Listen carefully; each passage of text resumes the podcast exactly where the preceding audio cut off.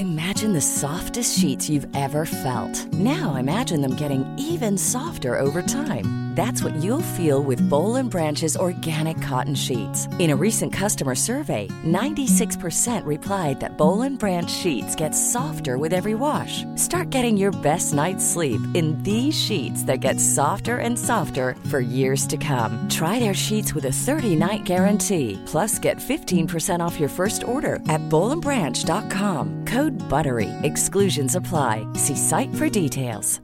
Ready to pop the question? The jewelers at BlueNile.com have got sparkle down to a science with beautiful lab grown diamonds worthy of your most brilliant moments. Their lab grown diamonds are independently graded and guaranteed identical to natural diamonds, and they're ready to ship to your door. Go to BlueNile.com and use promo code LISTEN to get $50 off your purchase of $500 or more. That's code LISTEN at BlueNile.com for $50 off. BlueNile.com code LISTEN.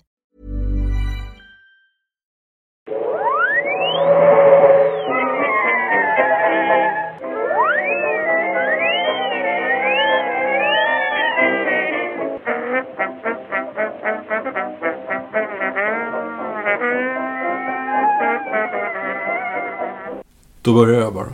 Hej och välkomna till Nörden och jag. Det är jag som är nörden Fabian Nylander. Och det är jag som är jag, Viktor Engberg. Det här är podcasten presenterad av Musin.se där vi sitter och pratar nördämnen, nördkultur i slags bildande syfte. Jag försöker bilda Viktor i saker han tycker om men inte vet så mycket om. Precis. Du vet, jag, denna gång så är jag inte podcasten Nörden och jag. Nej, vad sa du nu då? Nu säger jag Nörden och jag. Jaha. Jag har bättrat mig. Ja, bra. Jag är en bättre man. Perfekt. Hur är det med den bra mannen? Det, det är bra med, med den bra mannen. Jag, jag är eh, för tillfället i en eh, dispyt ehm, som, som tar hårt på själen och, och, och, och tid och allt sånt där. Det är inte över kontrakt eller, eller, eller någon, nå- något projekt utan Det är viktigare än så. det är en Batmobil. Eh, Vi gör om här hemma och just nu är den stora frågan var går Batmobilen någonstans? och du vill ha den på en, en, en piedestal mitt i rummet. Vi har byggt en jättefin hylla. Um, så här stor bokhylla mot väggen och det finns liksom som så här minihyllor som är perfekt för att ställa upp någonting på. Så jag har satt en skrivmaskin på en av dem. Eh, jättefin. Och så försöker jag argumentera nu att ta Batmobilen på en av dem. Och det jag försöker argumentera, för det här är ju den jag fick av dig i podden, det. så lyssna på det avsnittet. Jag vet inte vilket det är. Musikavsnittet tror jag. Musikavsnittet. Det är, det är från Batman The Animated Series. Det är, det, är, det är exakt samma som, eller exakt samma modell som jag hade när jag var liten. Mm. Bästa leksaken jag haft. Eh, och jag har den nu. Och, så jag försöker argumentera att det är mer än en leksak. Och inte bara av sentimentalt värde, utan jag, det jag försöker, en av mina absoluta favoritstilar och design genre of all time är Art Deco. Vilket Batman The Animated Series tog ifrån. Och då myntade termen Dark Deco. Mm. See what they did there. Ja, Eh, Så jag försöker bara argumentera för damen här att så här, det här är en bit konst. Det här är art deco, det är en cool design. En designer skulle kunna titta på den och säga ascoolt. Och hur går det? Hon argumenterar att det ser ut som en låda av plast. Eh, och delar inte alls min uppfattning. Nej, okej. Så att det, det, det, det är jobbigt, men jag, försöker bara kämpa, kämpa igenom här. Jag förstår. Men jag antar att du inte har lika jobbigt som eh, filmstudiorna har haft den här sommaren. Nej, nej där, där kan, man, kan, kan man snacka tufft. Mm. Ehm, det, alltså, det, man kan knappt räkna flopparna i år. Nej, alltså det, jag, jag förstår inte vad folk gjort. Ingen lär ha gått på bio, för det känns som alla filmer har bara tokfloppat. Ja, jag inte vad det var, om det var Stranger Things på Netflix som bara höll alla borta. Men eh, jag vet inte vad det är. Men det är ju lite det vi ska prata om idag. Precis, där, därav övergången. Vi ska inte riktigt snacka floppar, för det är en annan podd. Men vi ska prata konceptet blockbusters. Mm. För det är faktiskt det som är lite i luften just nu. Att blockbustern har förlorat sin edge lite. Alltså de filmerna som vi en gång i tiden gick och såg utan ens ifrågasätta. De, det, var en, det var ett posternamn, det var en stjärna, det var en cool regissör, det var häftiga effekter. Vi går! Men nu gör vi inte det längre. Vad kan det bero på? Ja, vi, vi, vi, ska, vi, ska, vi ska analysera det lite. Men, men, men jag vill först fråga dig, Viktor. Vad är en blockbuster? Hur, to- hur tolkar du konceptet? Det finns väl egentligen ingen riktig... Ingen, ingen riktigt svar på den, men för mig ska en blockbuster vara en studiefilm med en känd regissör, med minst två, eller åtminstone en i alla fall. Det måste vara minst vara en riktig A-list skådis. Alltså det ska ju liksom tryckas på. Den ska vara dyr, och den ska gå brett i många länder och göras en stor eh, marknadsföringskampanj på. Hmm. Det är min definition. Intressant. Jag är nästan där med det. Jag, jag håller riktigt inte med om stjärnglansen du lägger. Jag tror inte nödvändigtvis det behöver vara en känd regissör eller stjärna i det för att det ska vara en blockbuster. Filmer har sålts tidigare på kanske snarare konceptet. Jag tänker bara nu spontant plopp- ploppar upp i mitt huvud, du vet, Jurassic Park. Man sålde dinosaurierna. Nu är Ja, Spielberg ja, stjärnan. Spielberg är ju Absolut. ändå där. Men, men jag ska försöka, alltså om man tänker... Så jag, jag, jag, jag vill inte rubba dem. Vi ska, vi ska ta våra topp 10 Ja, favoriter sen. ja. Uh, Men jag- om- om Okej, jag men jag säger- kommer tillbaks till Ja. det. För, jag, för jag tror min nummer ett ifrågasätter allting du precis sa. Jaha, men Superman är ju... Superman är inte det. Dick Donner var, var en väldigt eh, ändå erfaren regissör vid det, Mm. vid det laget. Och du sålde Superman. Men absolut, så, så att det- den, den delar Det Jurassic var inte Park. Superman du har som etta, som man tror. Nej, Nej, nej.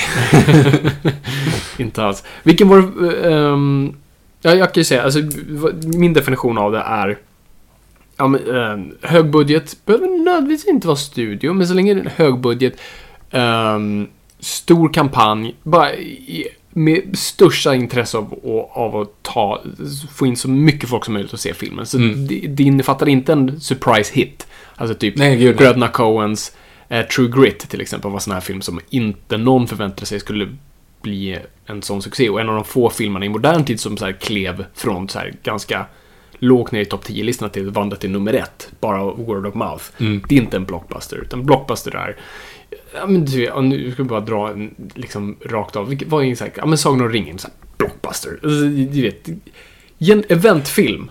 Men samtidigt kan du argumentera för att Sagan om ringen, vi kommer komma in på det här kan komma men det. Sagan om ringen är, är, det är ju såklart att det är en blockbuster Mm. för att den är dyr som helvete, men du är ju ingen skådis, du är ingen A-list, det- det du är du. ingen stor, Det det, ingen det stor är där jag tycker du argumenterar mot ditt argument. För att jag tycker det är en blockbuster. För att den absolut gick ut för att vara det och ingenting annat. Men Peter Jackson visste ingen vem det var förutom folk i Nya Zeeland. och du kunde inte känna igen någon skådis. Kanske, nej, knappt Mortensen. Så att, ja... eh, Ian McKellen. Ian. McKellen. Ja, fast vad, hur stor var han? Han hade gjort några filmer, men han var ju inte den här. Men Mm. han hade gjort X-Men året innan. Mm. Så där hade du ju Hugo lite... Weaving hade du sen kanske. Hugo, ja, men han var inte heller en Liv, A-list. Liv Tyler. Ja, Okej, nej. Jag, Liv jag Tyler förstår. är förvisso kanske den största. Ja. Hon har ändå gjort, hon har gjort Armageddon. Ja, ja, Armageddon är ju typ 97. 97. 96, 97. Nej, men jag tror, alltså, eventrulle, den, den är bara ämnad av att dra spektakel. Mm. Spektakel är, skulle jag sätta ordet på blockbuster. Det, jag är lite lösare i min benämning, men jag tycker att det är liksom ett spektakel. Mm. Det ska dra folk. Och sen i vilken form det, det kommer i, det, det, för mig spelar ingen roll. Men jag, jag tycker man ser en blockbuster när det väl är en blockbuster. Men vi, ska, vi, ska, vi, vi kommer nog vara lite oense om så här filmer om Ja, definitivt. vilket, jag vilket jag är oändligt intresserad av. Ehm, vilken var din första blockbuster du såg på bio? Titanic som jag kommer ihåg. Alltså jag har ju troligen sett, jag såg nog The Lost World. Ja, den kom innan. Nej, The Lost World såg jag ju på bio. Men om man säger så här, den, den första filmen jag tänker så här, oh jävlar vad episkt, jag vet inte vad jag heter längre. Då är det ju Titanic. Mm. Ja, det är ju verkligen en blockbuster. Titanic är ju liksom... Vi kan prata lite om Titanic, varför inte? Eh, det, det tycker jag är den sista, egentligen den sista rena, inte blockbustern på så, men rena eventfilmen. Old, old Hollywood. Old grejen, Hollywood, liksom. alltså det som Ja. Gone with the Wind var. Mm. Och Ben Hur och alla de där. Alltså du skulle ha en stor, e- en alltså katastroffilmen nästan också. En stor epos, den är tre, över tre timmar lång, skulle kunna ha en intermission. Du har en kärlekshistoria där, du har död och misär och olycka runt omkring och, och fortfarande ett effektspektakel med ny, eh, liksom, breakthrough technology i det.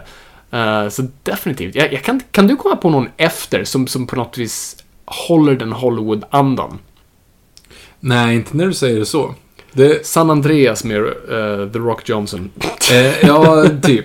Nej, nej, eller alltså så här, du, du skulle, någon skulle så här, kunna argumentera för att typ 2012 är en sån. Men det är inte samma Nej, det är, grej. bara, det är en katastroffilm. Jo, men det är ju ändå, det- för det är inte riktigt, det är inte känslan i det.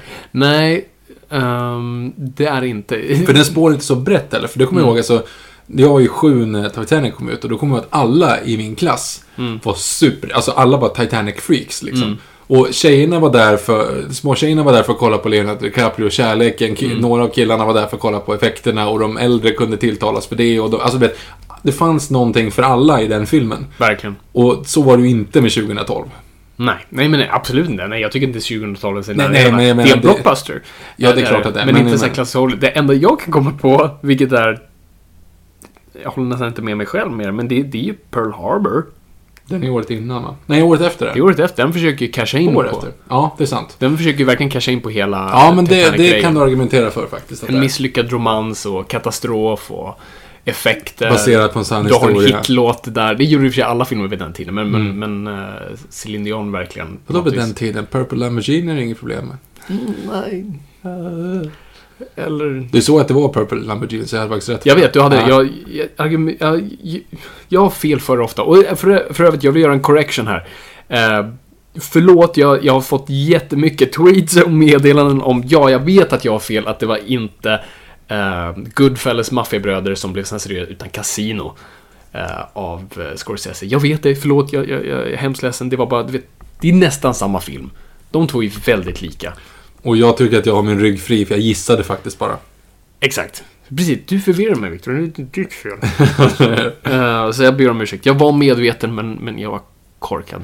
Kan vi få en lite så här history lesson här nu på Blockbusters? Ja, Vart alltså, börjar det alltså blockbuster, blockbuster-termen myntas ju mycket, mycket senare. Men om vi, vi kollar bara på, alltså tidig film först börjar ju, om vi bara går liksom snabbt igenom. Det är ju en experimentell form. Alltså det är egentligen ett trolleritrick från början. Du kunde visa illusioner, du vet. Du gjorde den här klassiska klippartekniken, du vet. Någon var där, du stoppar kameran, plockar bort personen och rullar igen. Åh, han är borta! Du vet den grejen. Och dubbelexponering, du vet, och kunna få saker att se genomskinligt. Den klassiska användningen av dubbelexponering är ju körkaren. Körkaren. Bästa svenska filmen som någonsin har gjorts. Eh, ja, den och... Tomten far alla barnen. Okej, ja, de- precis de två. Du vet, man får något att se genomskinligt ut, lite spökligt, lite läbbigt sådär. sådär. Alltså, det, man, man testade saker.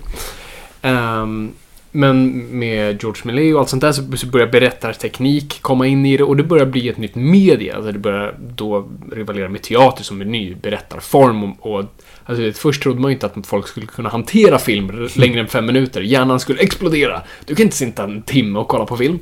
Eh, men det motbevisades ju ganska snabbt.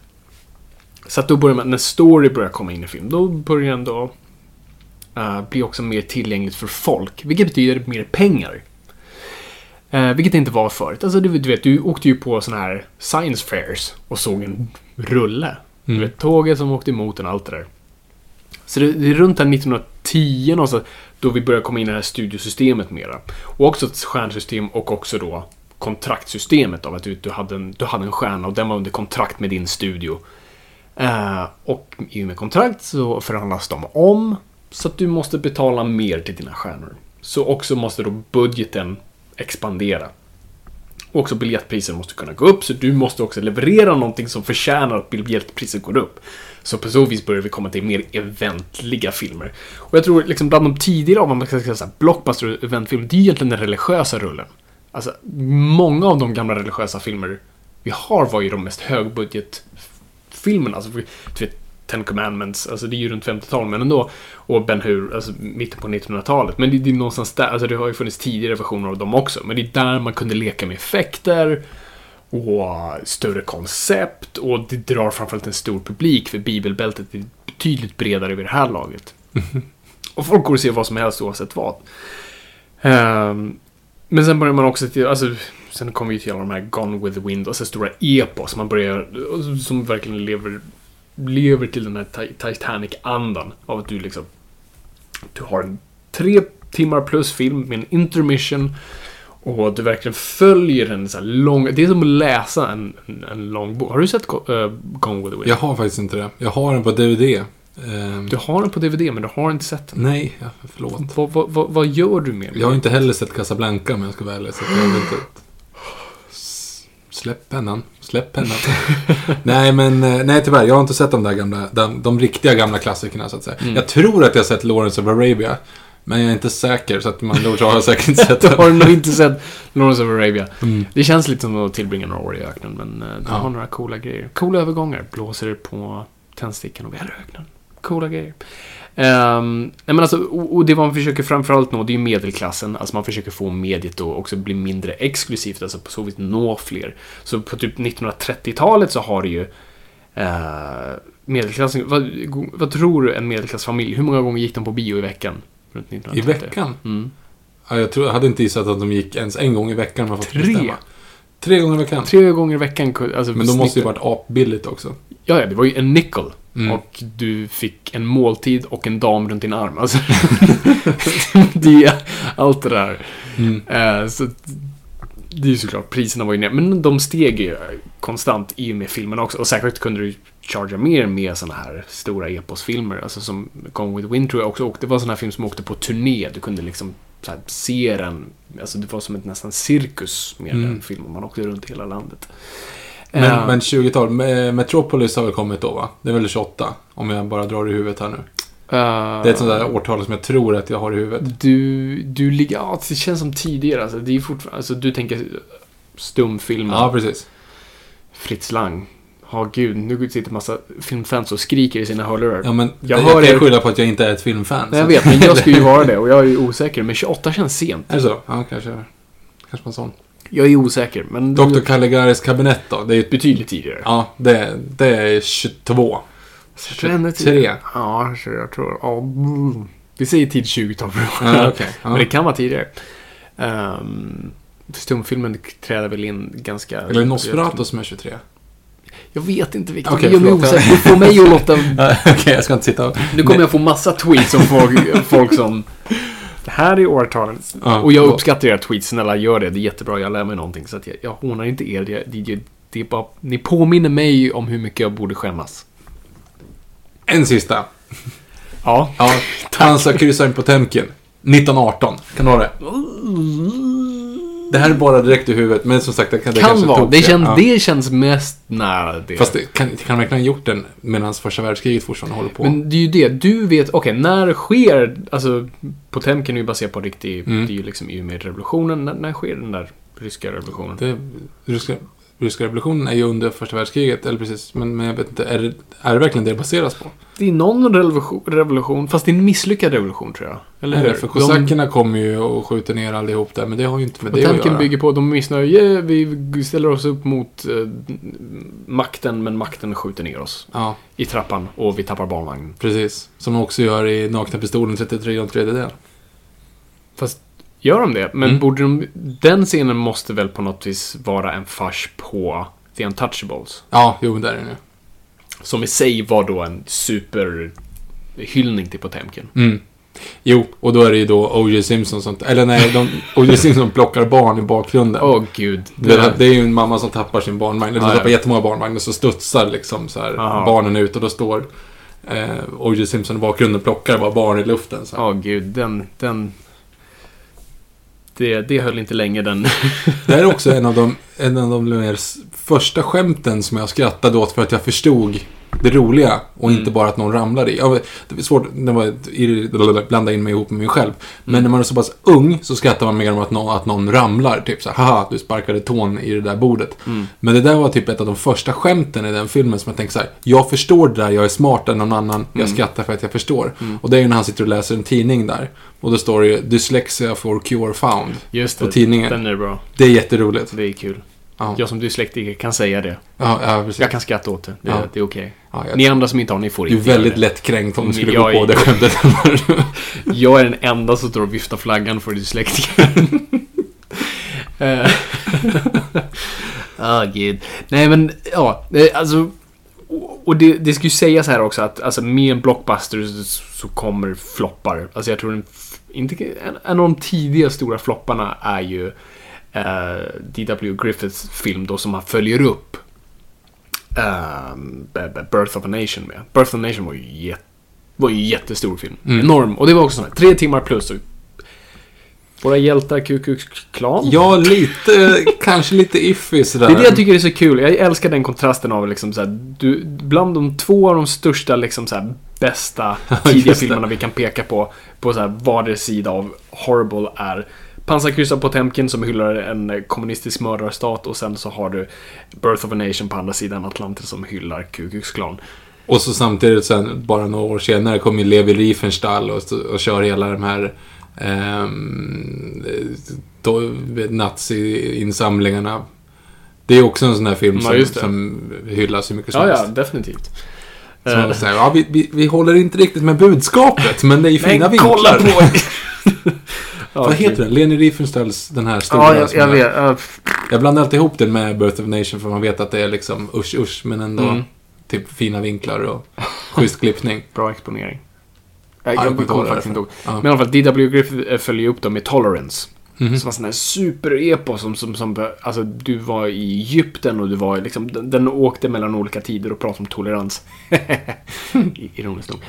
Uh, och den hade ju alltså enorma scenerier. Alltså du, du ser, alltså kollar du på den idag så blir man så här, det här är helt sinnessjukt. Det här, är- hur kan någon ha gjort det här? Det ser magnifikt ut. För att man typ, och där gjorde man inte ens några så här kameratricks utan de byggde typ pyramider på nytt.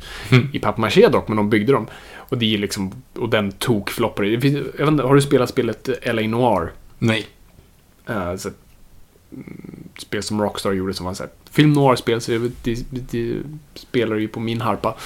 Ehm, och där, var det, där finns en av, inte bara, det är öppen värld, så inte det är banor, men i en story så, så springer runt i liksom den övergivna gamla sceneriet av Tolerance. Mhm. Alltså bara håller på att falla sönder för det kostar så mycket så ingen har rivit det och det bara står där. Eh, tyckte jag var lite kul. Men så det var ju en sån här superflopp som jag tror han aldrig återhämtade sig ifrån. Men men, i, i mot mitten, alltså efter Gone with the Wind och allt det där. Alltså bibeleposen lever högt och liksom Hollywood kan verkligen bara pumpa ut alltså vad som helst och folk går och ser det. Alltså lite som vi kanske har sett nu. Alltså, så länge det är ett spektakel så går folk och ser det. Så länge det är Bibeln så gör vi det. Alltså Ben Hur är en typisk sån film. Alltså du har det här supercoola... Du har sett Ben Hur? Mm. Supercoola... Ja, den är hemsk. du har den supercoola racingscenen. Mm. eh, där folk absolut dör. Eller förlåt, vänta, vilken av? Det beror på. Det finns en från 20-talet också. Den har jag inte sett. Jag har bara sett Nej, den jag, med jag syftar Charlton på Heston. Charlton Ja. Heston-filmen. Ehm, men och i all liksom action och cool och uh, Charlton Heston som bara... Uh, alltså hans haka. Ehm, så har du ju även Jesus i allt det där. Ja, just det. I typ en och en halv timme. Filmen skulle kunna tagit slut efter en och en halv timme, för då är storyn slut. Sen följer den bara... Sen är det liksom Passion of the Christ. Mm. Helt plötsligt är det som att de klipper från Gladiator till Passion of the Christ. Ja, precis. Det är ju, ja. Som typ i och för sig, egentligen som hur Gladiator... Jag berättar troligtvis om, lite om hur Gladiator 2 skulle vara. Nej. Åh, vilken var... Det här har jag missat. Nej, men vänta nu. Det, det skrevs... Åh, vad heter musikern nu då? Det är en musiker som ska skriva manuset. Vad? Känd musiker. Skrik inte på mig, lyssnare. Jag... Oh, jag poddminnet. Okej, men Det här. bring it on. Vem kan det vara? Vad har han, hen gjort? Elvis Costello. Nej, men någonting åt det hållet. Okej. nej, Av- ja. Varför skulle Han- han, skriva Gladiator 2? Nej, inte Elvis Costello, men här, i kaliber av musiker. Eric Clapton. Nej. Åh, Bono. fan att vi inte får googla i podden. Bo... Bo... Nej. Eh, jag är helt Bruce han, har, han har jobbat inom film. Han skrev Bowie. den här filmen med Shia LaBeouf som jag också nu glömmer bort, Tom Hardy. Om uh, Prohibition-tiden. Vet du? jag vet inte ens, Vilken ja, jag visste inte syftar att uh, Shyamalan Malinglong och Tom Hardy hade gjort en film ihop. Skit. Jag sa Shia LaBeouf och inte... Ja, du sa Shyamalan. Bra. Vem, vem, inte Shyamalan. Nej, inte. Nej. Okej, skitsamma. Jättebra poddmaterial där. Nej, Eh, hur som helst, den här artisten... precis. Ni, ni lyssnar nu som tycker att vi, vi är flamsiga. Ni får ju eh, ni får ta det som att vi inte googlar, för vi vill bara vara här med er. Och Vi inte stirra med er. igenom Det finns ingen värre än att lyssna på någon som knappar på tangentbord. Du hade kunnat knappra på tangentbordet själv. Medan ni, kan knappra på Medan tangentbordet. ni säger 'Fuck you, vi vill ha fakta' Ehm, Hur som helst, det skulle vara... Alltså Gladiator var ju en superhit. Där skulle vi kunna säga en blockbuster, eller hur? Ja, gud ja. Eh, det- du har Ridley Scott. Uh, Russell Crowe som inte är så känd då. Nej, det är precis uh, LA Confidential då. Ja, precis. Mm. Han är ändå ganska färsk. Eh, och du vet, ja men också så här klassisk Hollywood-stil. Du har, det är liksom, det är sandaler och svärd. Mm. Eh, stora krigsscener. Och effekterna var ju ganska revolutionerande då också. Alltså hur man byggde liksom arenor och alltså människor och sånt där. Ehm, så den är absolut en, en, en blockbuster och, och vann ju sin Oscar och pengar. Men det, det var ju, den led ju lite av den här Titanic-grejen och fuck, vi dödar alla. vi gör en tvåa på det här. Ja, just det. Så att den här artisten, sorry, kan inte namnet, fick då uppdraget att skriva en tvåa. Mhm. Och, och det handlar då om Maximus. Jag kan ha, antingen är det Maximus eller så är han slavkompis. Jag kommer inte ihåg. Men nej, det är Maximus som tror jag hamnar i himlen. Men ska då, men får återvända till jorden för att döda Jesus. Har jag för mig. Eller, eller hjälpa Det Jesus. här låter helt Jag vet, det är, bananas. men lyssna, jag, jag rekommenderar, ta reda på vem den här artisten är. Lyssna på WTF med Mark Maron så förklarar han det här. Jag lyssnar på honom, det här är inget så här, jag hörde ett rykte, utan jag lyssnade på honom pitcha den här storyn. Och studion sa nej. Tack. Men, men om, vadå, då, då är det ju inte så officiellt. Men om studion sa nej, Mm. då är det ju inte så att de har sagt Ej, Bono, skriv den här filmen. Det var inte Bono. Nej. I'm not Bono. ja, just det. Madonna. Madonna, Nej. Det- Nej men eh, de anställde honom för att skriva det sen. Jaha, det var jag så. Tror, jag jag för mig att han ändå kom i manus där. Han pitchade inte bara den här utan han skrev det. Och Mm. jag tror och Russell Crowe var ganska på det här. Och liksom coachade honom och sådär. Ah, jag kommer, det var länge sedan jag lyssnade på det här avsnittet. Och jag sitter här, kan inte googla, citerar en bättre podd. och vet inte avsnittet. Det här... Nej, nej, vi, vi... Skriv till oss på hashtag Norrpodd. Och skäll ut mig där. ja, precis. Var snälla. Vi går vidare här nu innan vi lägger ner oss. Va? Geggar? Nu kom jag på en, en till film som kanske borde vara med på min kommande. Vi har gjort, vi kan säga det också, vi kommer avsluta lite grann med våra 10 10 topp blockbusterfilmer. Ja, mm. Eh, och jag kom på nu en film som jag ah, inte tänkte på. En honorable mention. En honorable mention. Den kommer sen.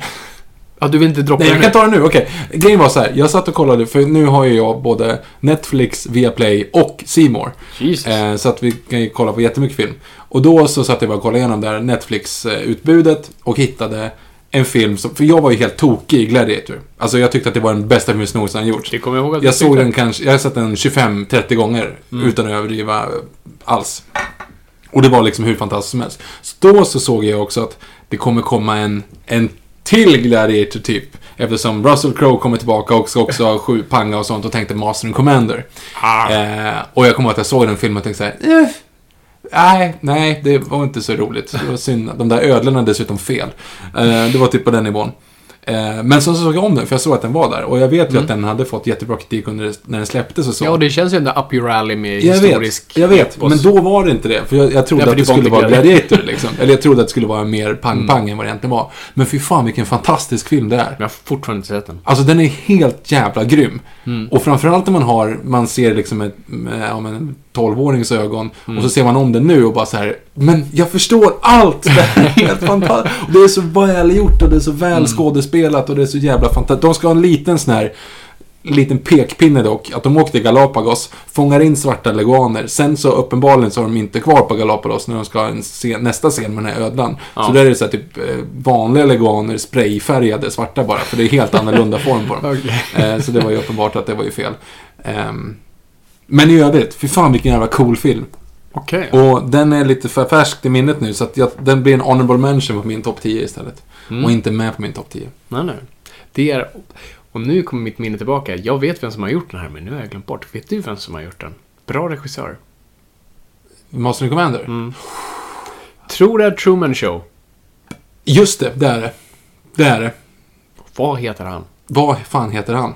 Han gjorde Trum... Just det. Och sen har han inte gjort speciellt mycket efter det. Vi håller på att döda vårt rykte som en filmpodd här, eller hur? Japp. Är det okej? Jag vet att det är okej att inte googla. Eller det, det är inte okej att googla. Nej. Men får jag kolla på en DVD? Ja, det får du väl göra antar jag. Ska jag gå och kolla? Nej, ja. Nej, Ja, okej, vi skiter i det. fuck it. Det, det är någon lite så här modell äldre va? Ja, lite, men inte, Ja. inte supergammal. Åh, fan. Ja, skitsamma. Det här blir inte bra. Det här är inte bra. Okej, speeda upp det här nu. Rädd- Rädda oss Fabian. Ja, hur som helst. Ehm, nej, men så, så, Hollywood lever loppan i stort sett. Alltså, du har ju typ Dr. Chivago eh, och... Ja, ja, Gone with the Wind. Spartacus. Alltså, du kan kasta alla de här grejerna. Men sen började saker hända på 60-talet. Vi börjar se en ny ungdomskultur träda fram. Som inte alls är intresserad av, de här, liksom, som, som inte är generationen från andra, andra världskriget. De som bara vill ha eskapism. 60-talskidsen, de vill ha realism. De vill liksom down and gritty. De gräva i, i, i det djupa och saker. Så de fullkomligt skiter i Hollywood. Och Hollywood börjar känna av det helt. För att liksom, filmen de kastar ut funkar inte. Och, och framförallt blir det så här, det, ingenting stämmer. För att det har typ, de släpper någonting som är Sound of Music. Superhit. Liksom, klassiker än idag. Typ strax därefter släpper de en nästan identisk film som heter Star. Vet du vilken film det är? Nej. Nej, typ samma team. Liksom, alla människor bakom. Totalt floppar. Så, Mm. Och det är det läskigaste för Hollywood. För att nu vet de inte vad som funkar längre. Det ena funkar, men det här andra funkar. Det är exakt samma sak. Fuck. Men Sound Music kommer väl mitt i den här smeten och funkar ändå. Så Ja, ja, men det är ju det. Alltså, det, precis, ja. det är ju det som är poängen. Alltså, den funkar, men inte någonting annat strax efter. Varför inte? Eh, men också vad vi ser i- vid den här perioden är att alltså, gamla Hollywood, alltså de här Jack Warner och de här, alltså de går ju i pension. Och säljer av eh, filmbolagen och säljs till stora företag. Eh, Det är därför du ser nu liksom Time Warner äg, äger Warner Brothers och du har Paramount ägs av, vad heter de, Golf and någonting. Eller nu är det Viacom. Um, och sådana här alltså företag tar över, conglomerates. Eh, och de har ju ingen aning om hur filmbranschen fungerar, så de vet ännu mindre om vad som för sig går. Och också där är det bara ren intresse av att tjäna pengar. Så att de vet inte heller vad som funkar. Eh, och man börjar se, alltså, som jag nämnt förut, Easy Rider är en sån här typisk film som folk faktiskt väljer att gå och se. Som eh, det var Steppenwolf som gjorde. Eh, Steppenwolf gjorde ju Born to be Wild. Yes. Som du ifrågasatte. Och den Jag är ju med i Easy Rider. Jag måste bara säga för att inte jag ska låta som en hel buffoon här. Jag ifrågasatte inte, jag, jag köpte det. Jag tänkte Okej. säga, ja, jag har aldrig funderat på vem som är det. Ja, Jag har jag- alltid jag- bara trott att det är The Who. Det var bara roligt för vi fick ju också ju mycket skit för förra avsnittet. herregud. för att vi sa så mycket fel. Vi kommer få ännu värre på den här. Skoja inte. För att vi har inte sagt fel, vi har inte sagt någonting istället bara. Jag ska vara tyst. Uh. Ja, hur som helst. Alltså, ja, alltså, Hollywood vet inte vad som fungerar längre, så man bara testar saker. Men, men vad det helt typ landar Alltså low budget, mer ground and gritty, alltså ungdomskulturer är, är någonting man, man börjar utforska. En film som Love Story slår ganska hårt. Sen i allt det här som, som på något sätt bryter lite mönstret, det är ju Gudfadern. Mm. 71. Mhm. Uh, för där, är ju, så här, där har du en så här klassisk, fast det är nästan inte ens en epos för att den är, den, den är ändå ganska down and gritty. Nästan dokumentärt för att vara sin tid, i alla fall mixar med, alltså det, bröllopet är ju väldigt dokumentärt, men sen går det ju, alltså fotografen The Prince of Darkness har fått de här väldigt kontrastfyllda gula bilderna. Uh, och det är egentligen en familjetragedi. Alltså Shakespeare-aktigt. Uh, men den drar folk och blir en sån här superduper mega-hit. Eh, en av de mest inkomstbringande filmerna någonsin. Och out of nowhere och ingen riktigt trodde på den. Det var ju, alltså det fungerade ju för Gudfadern-boken var ju succé då. Mm. Men eh, det var bara någonting som drog, drogs till. Alltså, jag tror både en ungdomskultur som, som såg Francis Ford Coppola i det, alltså som var en ung arthouse-regissör. Och även den äldre publiken som kunde se det klassiska cinematiska i det. Så, och, och också bara en kulturell grej. Alltså unga äh, amerikaner, italienare, alla gick och såg den tusen gånger. Så att, och också folk av invandrarbakgrund. Alltså, det, det, den bara korsade av alla jävla boxar för en succé. Fast out of nowhere. Och den bryter mönstret lite. Men, men 60, eller, och, och 70-talet egentligen ser ganska mörkt ut först, men sen händer någonting. 1975. Jaws. Exakt. Ah! Här var det så. För oss är det ju självklart att en film släpps på sommaren. Mm. Och det är då storfilmerna kommer. Det är det, vi är uppvuxna med den modellen. På sommaren när vi har sommarlov, då går vi och ser storfilmerna. Så var det inte för det, vid det här laget. Då släppte man vid vintern ungefär. Eller mitt under året. För att sommaren så tänkte man, men folk kommer inte vilja sitta inne och kolla på film. Folk vill vara ute. Det är, det är ett argument som ibland dras för att man pratar till exempel om eh, Danny Boyles film Sunshine. Just det. Eh, trodde man ju, alltså vad som bidrog till att den floppade var typ, det var för bra väder i England. för England är ju ändå där det skulle ha dragit mest, men eh, och ironiskt nog hette den Sunshine och det var ovanligt mycket sol i England så att folk inte såg filmen. Men det är snarare undantaget. Eh, för att man trodde bara, nej, filmer, filmer drar inte någonting på sommaren. Så det som förändrade är Jaws, en film som ingen tippar ska vara stor. Produktionssvårigheter, studion är inte särskilt nöjd med det, de vet inte vad de ska göra med den. Ehm, Men där var det lite samma sak. För visst var det så att det också är efter en lyckad bok. Alltså det är efter en, en stor bok. absolut. Men grejen var väl att Spielberg, alltså det var inte han självklart, men hans team köpte väl, alltså han gjorde ju en buzz själv. Det, självklart gick boken bra, men första dagen den släpptes så köpte väl de typ hur mycket grejer som helst, för de hade redan rättigheterna. Var det inte något sånt där tjofräs? Vad menar du med det? Alltså, Jag för mig att det kanske man ska göra, det är i alla fall Spielberg som har, som har sagt det om det i alla fall. Mm. Att, att hans polare, han visste ju vem den här snubben var som skrev boken. Mm. Och de hade redan rättigheterna till den. Så att när den kom ut så köpte de, liksom, eller i en ny version då, så köpte hans, hans team hur mycket grejer, böcker som helst. Så att den helt plötsligt klättrade upp på ettan liksom, i vissa städer. Eh, så att det var så. Okej, Alltså, skitsamma. jag har hört historier, så studion hade rättigheterna till Jaws och Spielberg typ snubblade på den. Jo, men precis. Han såg den ligga på ett skrivbord och sa ah, vad är det där? Ah, men vi gör Jaws. Och han tyckte det var en kul tvillingfilm till hans tidigare film, eh, Jewel. Just det. Eh, för han tänkte, ja men det är ju också en liksom, stor mördargrej som jagar en mindre grej. Och här är ju exakt samma sak. Ah, jag, kan, jag kan göra liksom en systerfilm. Som Yoga, yoga Hosers och Moose Jaws. Ja, typ. Eller det ska ju ingå i en trilogi tydligen, Kevin Smiths eh, Mm. Kanada-trilogi. Ja, ja, precis. Då var det Tusk. Tusk. och de två. Ehm, nej, men den, den filmen släpps i alla fall och blir en sån här, du vet, round the block-film. Du vet, förr i tiden så köade man innan multiplexes. Så folk stod i kö i timmar. Alltså så här, tiotals timmar för att liksom, du vet, du var tvungen att vänta på att ena publiken hade sett filmen och så gick det lite som att åka en berg och dalbana. Och om han hade varit tur så var det en biograf med två eh, salar. Nej, men så den filmen vänder på hela konceptet av vad en, vad en alltså blockbuster Och här tror jag liksom... Där ser vi hur en modern blockbuster föds. För där har du ju också...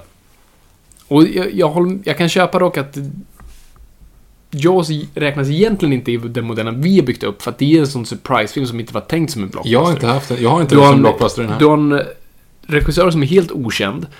Uh, du har, ja, alltså, det, det enda som är väl känd där är väl, uh, jag höll på att säga Rob Reiner. Mm, Robert Shaw. Ja, Shaw förvisso, men jag tänker på Herre Jesus. Cap Rob Schneider. Brody. Rob- Sch- inte Sch- inte Scheider. Sch- Scheider. Schneider. Schneider. Ja, just det. Inte Schneider. Ehm, så han är ju hyfsat känd, men inte liksom en supercast. Och det är ju bara det är en liten sk- skräckfilm. Mm. Men som, som har gett, liksom... Det är scener med egentligen större delen av filmen. Alltså vi, när vi tänker på Jaws så tänker vi ja, det är hajattacker och det är coolt och sånt där. Men det är egentligen tre snubbar på en båt. Japp. Uh, som har ganska bara långa diskussioner, du vet. Uh, så absolut inte hur vi ser en blockbuster idag. Men den blir en sån enorm succé. Och blir en sån här word of mouth, för folk går och ser den om och om igen. Det blir, för det blir ju den här berg och dalbanefilmen, vilket man inte har sett tidigare. Så du har haft skräckfilmer och så, men skräckfilmer har ju varit en del av en sån här subkultur. Det är ju någonting fult, det är någonting litet.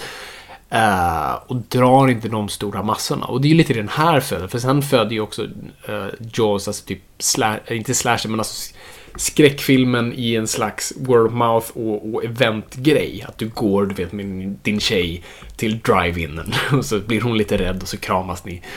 Ehm, um, och det finns en jätte... Jag kom bara på en bra story på tal om skräckfilmer som du måste dra. Din far, när han går och ser The Exorcist. Jag kommer inte riktigt ihåg det. Jag tror du kan det här bättre än jag. Nej, eller jag kommer inte ihåg det så. Det, är- men han skulle... Din far skulle gå och se The Exorcist när den kom med en, med en dam. Eller dam, med en, eh, ung, med en tjej. Ehm, och eh, han tänkte då vara lite kaxig. Så här, perfekt, så här, skräckfilm, vi liksom... Nu, nu ska vi mysa. Men, men det slutar med att båda gråter. Ingen vågar göra någonting, alla är bara helt förstörda. Ja, jag kommer, ja, just det. Jag kanske ringer någon klocka därifrån. Mm. Men det är ju inte helt otänkbart. För dels är han ju lite, lite, lite rädd för sånt. Eh, Men det är som fantastiskt. Jag älskar någon som backfirar. Någon som verkligen har en plan och sen så går inte. Ehm, så det är ju också nästan som block, blockbuster. Men fast skräckfilmer sen görs ju betydligt mer lägre budget och det är lite byggt på. Det är lite som man gör idag. Det är paranormal, paranormal activity-modellen. Du gör en film för några få miljoner och sen så drar du in jättemycket. Och det är lite det som nästan, det har nästan blivit juicen för studios nu. Du släpper i alla fall. Du har en franchise nästan. Du har alltid nästan en franchise. Har du tänkt på det? Alltså om det har med, du vet, ehm, Terror on Elm Street och Jason och allt det där. Vi hade ju några år så, det släpptes en så-film så här varje Ja, år. just det. Nu har det väl senast varit Paranormal-filmerna. Ja, nu tror jag vi går över till... Annabelle och de här har ju. Precis. Conjuring och gör ju också någon form av sånt. Precis, de. Så det, vi är ju där nu. Så det är alltid nästan en skräckfilmserie som fyller sig. De fyller fem år av uppföljare och sen så tar de nästa över. Tror jag. Men i Nu alla kommer ju fall. Ring igen. En ny Ring. Ja, vad fan, såg du trailern? Nej, jag vågar inte. Du vågar inte? Nej, men jag tänker inte göra det. Jag ligger så här på kvällen och kollar. Jag brukar göra det när jag går och lägger mig. Så ligger jag och kollar IMDB vad det är som har hänt liksom. Vad det kommer för nya trailers. Jag tänker inte...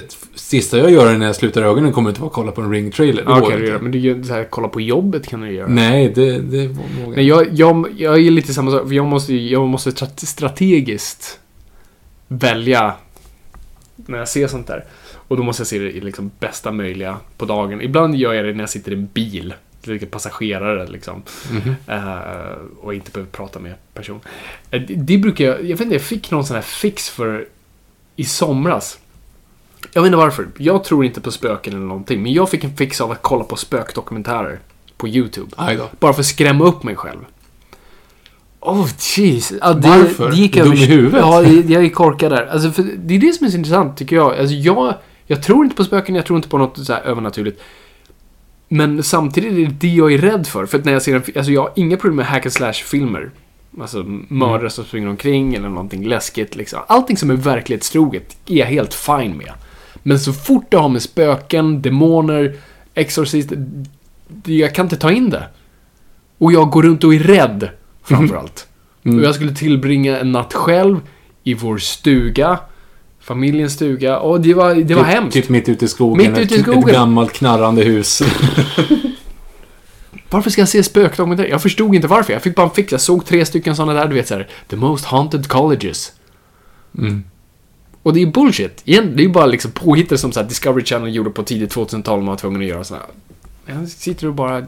Och jag, och jag får... Men det är just den här, du vet, bli uppjagad känslan. är ganska skön ibland. Kan, kan du njuta av den? Ja, gud ja. Fast inte på det sättet. Jag gör det typ när jag går upp på en scen istället. Ja, just det. Ja, men ja, visst tänker du få så, men, men det är inte samma känsla. Eh, den känslan är mer så här, har jag gått på toa idag? Ehm, den här känslan, är, det är någonting, det är nästan lite som att bli typ kär eller bli, alltså, bli glad. Lite så, jo, vet du vad? Det är, det är som att få ett skratt när du håller ett tal eller du är på scen. Mm. Fast det negativa Fast ångest. Den värsta sån känslan jag fick var när jag var hemma själv, när jag inte orkade skriva, eh, så bestämde jag för att kolla på en dokumentär om Jack the Ripper. Och jag höll på att bli... Jag höll, jag höll på att flippa ur för jag blev så rädd. Jag, det var någonting som växte in, inuti mig och jag fick sån här, jag fick, höll på att få panik. Mm. Och jag förstod inte varför. För, alltså, och Jack the Ripper är ju något som faktiskt funnits på riktigt, men det finns ju nästan någonting övernaturligt Ja, med men jag, jag har precis samma grej. Precis samma grej. Och det är ett engelska arbete i nian. Okej. Eh, så fick jag för mig då, för då hade jag precis sett From Hell. Mm. Som jag tänkte så här, åh, Jack the Ripper, det är ju lite fascinerande. Jag, man hade ju någon sån här craze, man blev ju väldigt fascinerad av Ja, jag har haft min seriemördare. mördare och, Mm. och katastrofer och sådana saker av någon anledning. I alla fall, då skulle jag, tog jag på mig då att skriva en, ett engelska arbete om Jack the Ripper. Mm.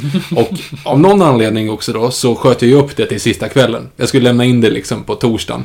Och där satt på onsdagskvällen liksom. Ensam hemma, föräldrarna borta någonstans liksom. Och så bara så här, men nu ska jag skriva det här arbetet liksom på Mm. tio sidor eller vad det blir. Och börja googla och få fram de här autentiska obduktionsbilderna på de här. Och det, ser så vidrigt ut. Alltså Ja. för det första bara bilder på folk för hundra år sedan. Ja. Alltså fotografier är ju jätteäckliga. Bara det är creepy. Men alltså, med de här liksom uppsprättade, och det är ju liksom riktiga, autentiska bilder på döda, Mm. uppsprättade människor. Det är ju helt vidrigt. Och just den här grejen att de inte vet vem det är. Mm. Och, det, det är så, och så, när jag sitter där i alla fall, så börjar mitt larm. Alltså, vi hade ett larm. Ja, herregud. och då var det ju så här, då började det pipa så här, pip, Aj, fy fan. pip. Och jag vet inte vad det är för någonting. Man så här, Mm. fan, vad är? Och så kom vi ut och kollade liksom i, i korridoren. Det är helt mörkt. Vi har bara suttit vid datorn hela dagen. Det har blivit mörkt. Det inte rört mig i resten av lägenheten. Mm. Ensam hemma så är det också helt svart. Liksom. Så tänd, ta en bandyklubba liksom, så här, och tänder alla lampor med bandyklubban.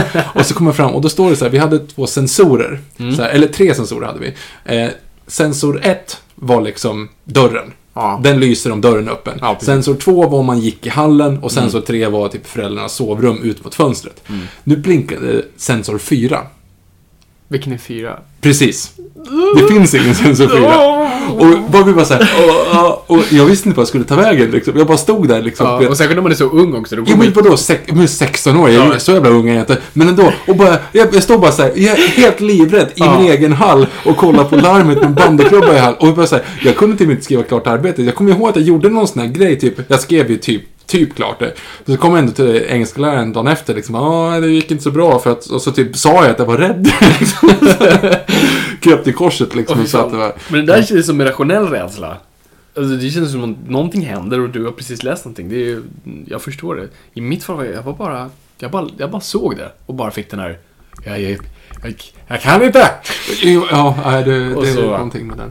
Ja, jag vet inte vad det är med Jack the Ripper. Det är någonting. Det är som Zodiac-mördaren också, ger mig enorma kalla kårar. From Hell var den första barnförbjudna jag såg på bio. Oh, vänta. Får jag rätt? Jo, där. Eller i och för sig, för, jo. den här, vad heter den? Inte Haunted Mansion, vad fan heter den med Liam Neeson? The Haunting. The Haunting. Den, du hade bara t-shirten? Du hade Jag hade bara t-shirten, sett då så. Nej, From Hell, då var jag 11. Mm. Eh, när den gick på bio. Så det här var det egentligen, det är en sanning med modifikation. Mamma, vad är opium? Ja, ja, precis. Nej, men jag hade sett om eh, From Hell, därav att jag var fascinerad av det när jag var, då var 15. Men, ehm, jag gick på min kusin, han var typ 10 år äldre. Eh, och så, så, jag fattade ju inte att den var barnförbjuden. Nej. För han sa precis när vi stod i kön så här. Ja, by the way, du får säga att du är 15. Jag bara, Va? Och jag, kunde, jag kan ju fortfarande inte ljuga. Så här, ja, Nej. ja, nej, ja, va? Och så kommer de fram liksom så här. Hur gammal är du? 15. så här, bara, du måste fixa lägg grabben. Och jag tror att han tar det som att, att du får gå. Alltså, Ja. du stick. Bara, Okej, och så vände jag mig om. Han bara, nej, nej, det är okej nu, men fixa det till nästa gång. Jag bara, ah, fan. Och jag ville typ inte se den. Så att det var ju Det verkligen var ingen ringklocka i From Hell. Nej, jo men du vet, vi hade sett Scary Movie tidigare. Det var ju också lite så här. Ja, herregud. Ja, nu är inte den superläskig så, men absolut konceptet på Jack the Ripper är... Och Den var väl- väldigt läskig då. Var den det? Alltså, ja. Mm. alltså absolut, jag förstår för en sån ung person, men är den genuint lä- Alltså jag, jag ser inte det som skräckfilm, snarare som typ en kriminalare med äckliga segment. Alltså Ja. du såg ju några uppsprättade kroppar antar jag. Nej, det gör typ inte det. Den är ganska så. Men det är ju där mot slutet när han är... eh, Bilbo är helt svart i ögonen. Just han är svart i liksom- ögonen. ja. Det är jättekonstigt. Jag har faktiskt inte läst heller Alan Moores serie, så det finns säkert mer där. Jag vet att han hatar filmen och de är ganska olika. Men eh, Egentligen är ganska... Alltså jag tycker att det är helt okej film. ja, jag har inte sett den sen... Ja, sen... Ja, sen inte då i alla fall. För Mm. jag hade dött. Jag kunde inte ens åka båt på den tiden. Så att... ehm, Just det, för Jaws. Jag vet inte, jag bara kunde, jag kommer inte ihåg det när, vi, när du satte mig på en båt första Ja, just det. Du var livrädd för att åka båt. Sakta ner! Och det var en liten så här... Varför Fem- var du rädd för båt? Jag, jag var rädd för allt när jag var liten. Ja, det vet jag. Men just båtar kommer jag inte ihåg. Inte konceptet just båt, ah, båt! Utan bara så här läskigt att åka båt. Aha. Eh, det går för fort. Små vågor. Ja, det är sant. Ja, Blockbusters var Det är det. inte därför vi är. Ehm, Ja, precis. Blockbuster. Nej, men ganska tajt in på Jaws så verkligen förgylls Blockbuster-eran av 77. Star Wars. Yes, Star Wars. Eh, den lilla B-rullen som blev en enorm jävla hit. Ja. Uh, George Lucas lilla rymdsaga. Uh, men jag tror inte mer än vad är det, 10 miljoner. Det är ganska mycket då ändå. Men, uh, men fortfarande en film som studion inte bryr sig om. Och också, jag tror, jag tror den, slä, den släpps under sommaren just för att studion inte tror på den särskilt mycket. Uh, och på så vis bara då cementera att sommaren är filmen, blockbuster-filmens period. Det är inte, det är inte vintern längre. Um, och efter det så, alltså de här två filmerna vänder ju upp och ner på hela systemet. Och vi, alltså de ekar ju än idag. Japp. Alltså det är ju så du gör film. En eventfilm med explosioner och sci-fi-rymden eller om vad det nu än är. Så länge det är explosioner och liksom bara coola grejer och effekter framförallt. Och vare sig det är en skräckfilm. Skräckfilmer har ju flyttat bort från sommaren nu kan vi säga. Alltså, Halloween har verkligen blivit typ skräckfilmens period. Man har verkligen satt det där nu. Det är ju smart. visserligen. Det är smart. Alltså, det är ju, det är ju då perioden ska vara. Så att, eh, jag vet inte när Exorcist släpptes. Det känns som en Ingen sommarfilm. Men ja, jag vet inte.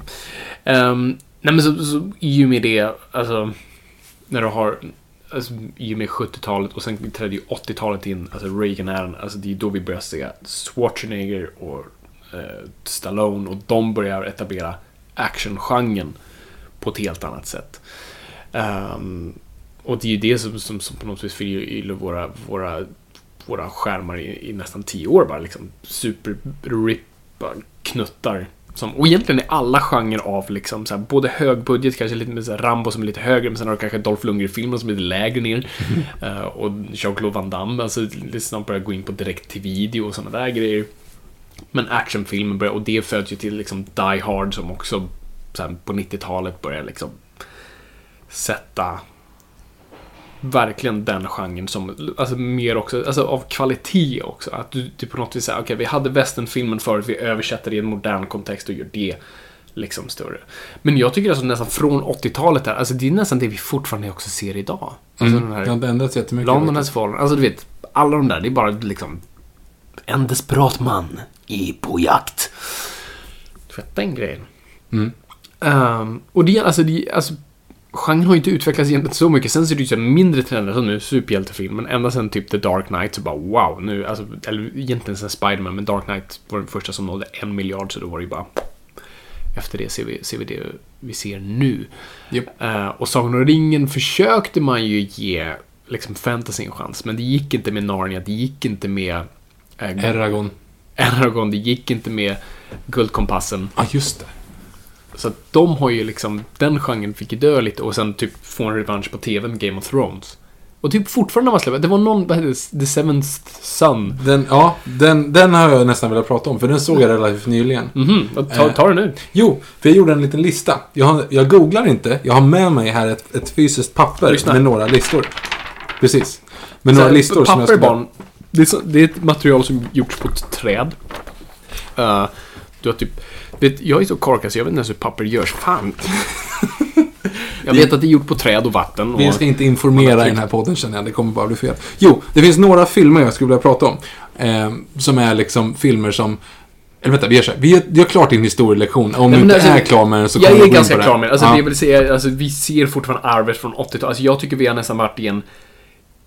Alltså om man skulle kolla i en slags så här, nästan som en ekonomi, alltså kurs, du vet hur du ser kurser och aktier, hur saker går upp och sådär. Alltså, det känns som att vi har gått stadigt upp. Alltså den genren har lyckats hålla sig ganska färsk. Med vissa nyanser av nya grejer. Så, ah, helt plötsligt kommer Matrix in och det gör någonting nytt. Och sen Nolan med sina grejer och liksom helt plötsligt får vi se vi, ja, men vi ser olika nyanser av det. Men fortfarande event actionfilmer. Jag ser inte att vi har haft en 1969 förrän kanske nu, men vi kommer in på det. Intressant. Mm. I alla fall. Då, några filmer som, jag, som har slagit mig. För grejen är att jag har, eftersom jag har kollat så jäkla mycket film de senaste dagarna här nu. Ja, ja. Eh, så eh, Fantastiskt. dels den, den enklaste så här, sparka in öppna dörrar-grejen. Det var att jag såg 300 Rise of an Empire och Sin City Dame to Kill For efter varandra. Oh. Och de två filmerna har jag typ blandat ihop från första början. Jag tänkte att de kom samtidigt. Mhm. Ingen hade bett om dem. Eva Green är förvisso med i båda. Jag bad om Sin City 2. Okej, men ingen av filmerna är speciellt bra. Nej, jag, jag blev... Sin City var jag besviken på. Nej, men alltså, det är ju så här.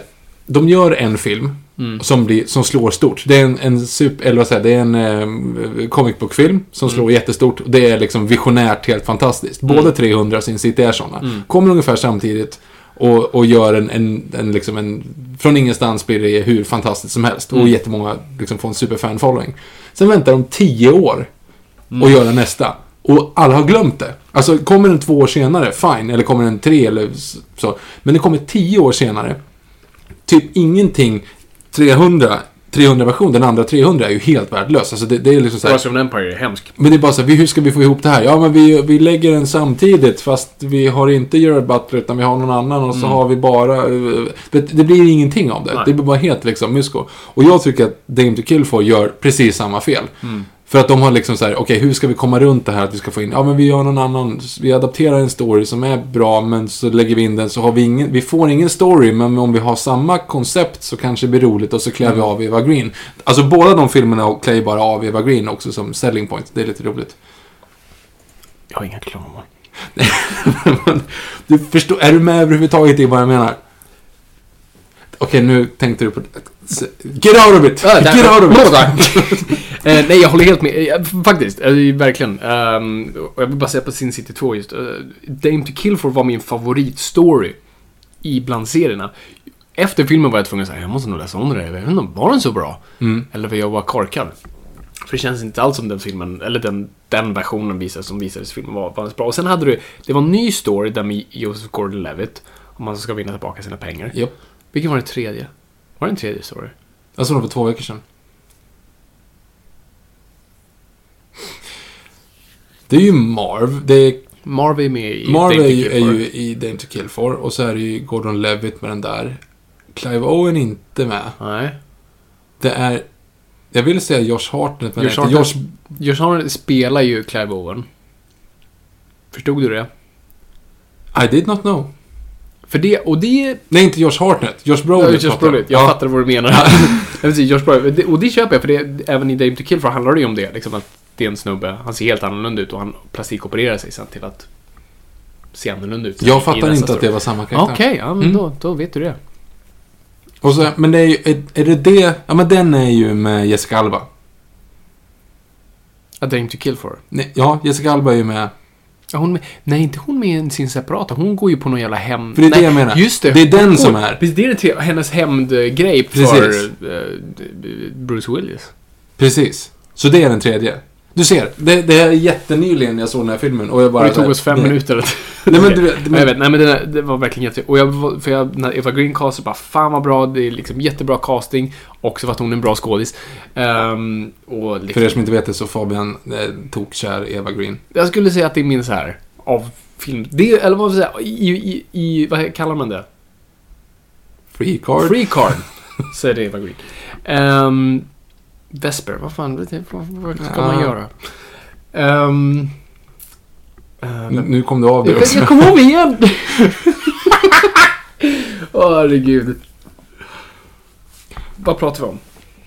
Eva Green. Just det, ja, Evergreen. Nej men, eh, nej precis. De, de filmerna är faktiskt jätteintressanta. Och, och, och, och som du säger, kom ungefär samtidigt. Alltså Zack Snyder var, tyckte jag var väldigt influerad av sin City med green screen grej Alltså de tog ju så länge. Och det är så som du säger, varför släpper man filmer så långt senare? Jag förstår lite sin City för den sköts upp hela tiden. Och den är lite självfinansierad på så vis. så Jag köper den, men 300 är en studiofilm. Det är Warner Bros som, som pushar den. Så jag förstår inte vad, liksom, satt folk och väntade verkligen på den? Nej men det, ingen vill ju ha den. Och på tal då om filmer som, inte vill ha, som ingen vill ha. Mm. Så tänkte jag bara dra upp några här som jag kom på. Och det är ju till exempel då ehm, Lone Ranger. Vem fan vill se Lone Ranger?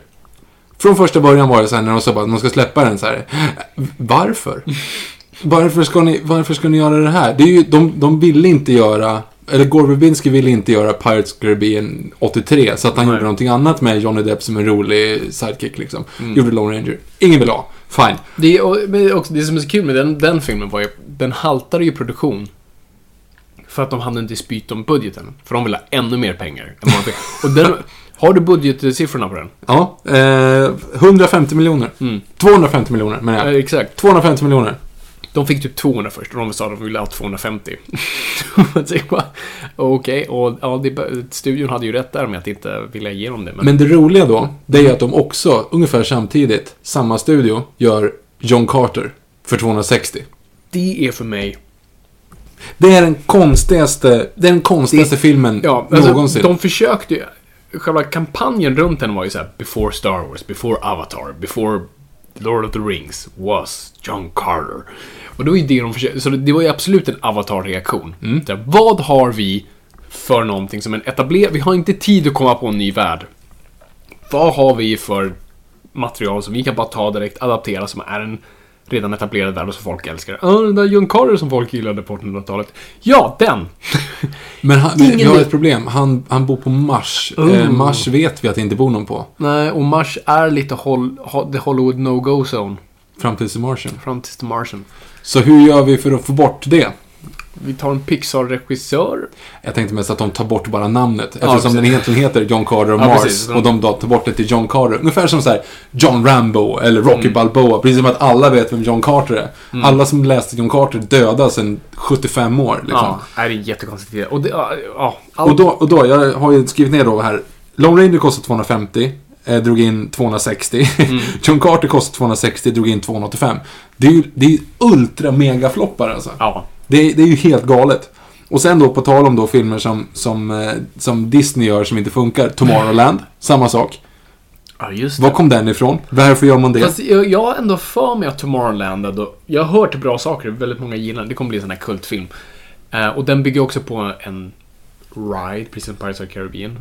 Så att, Kostade eh, 190, drog in 209.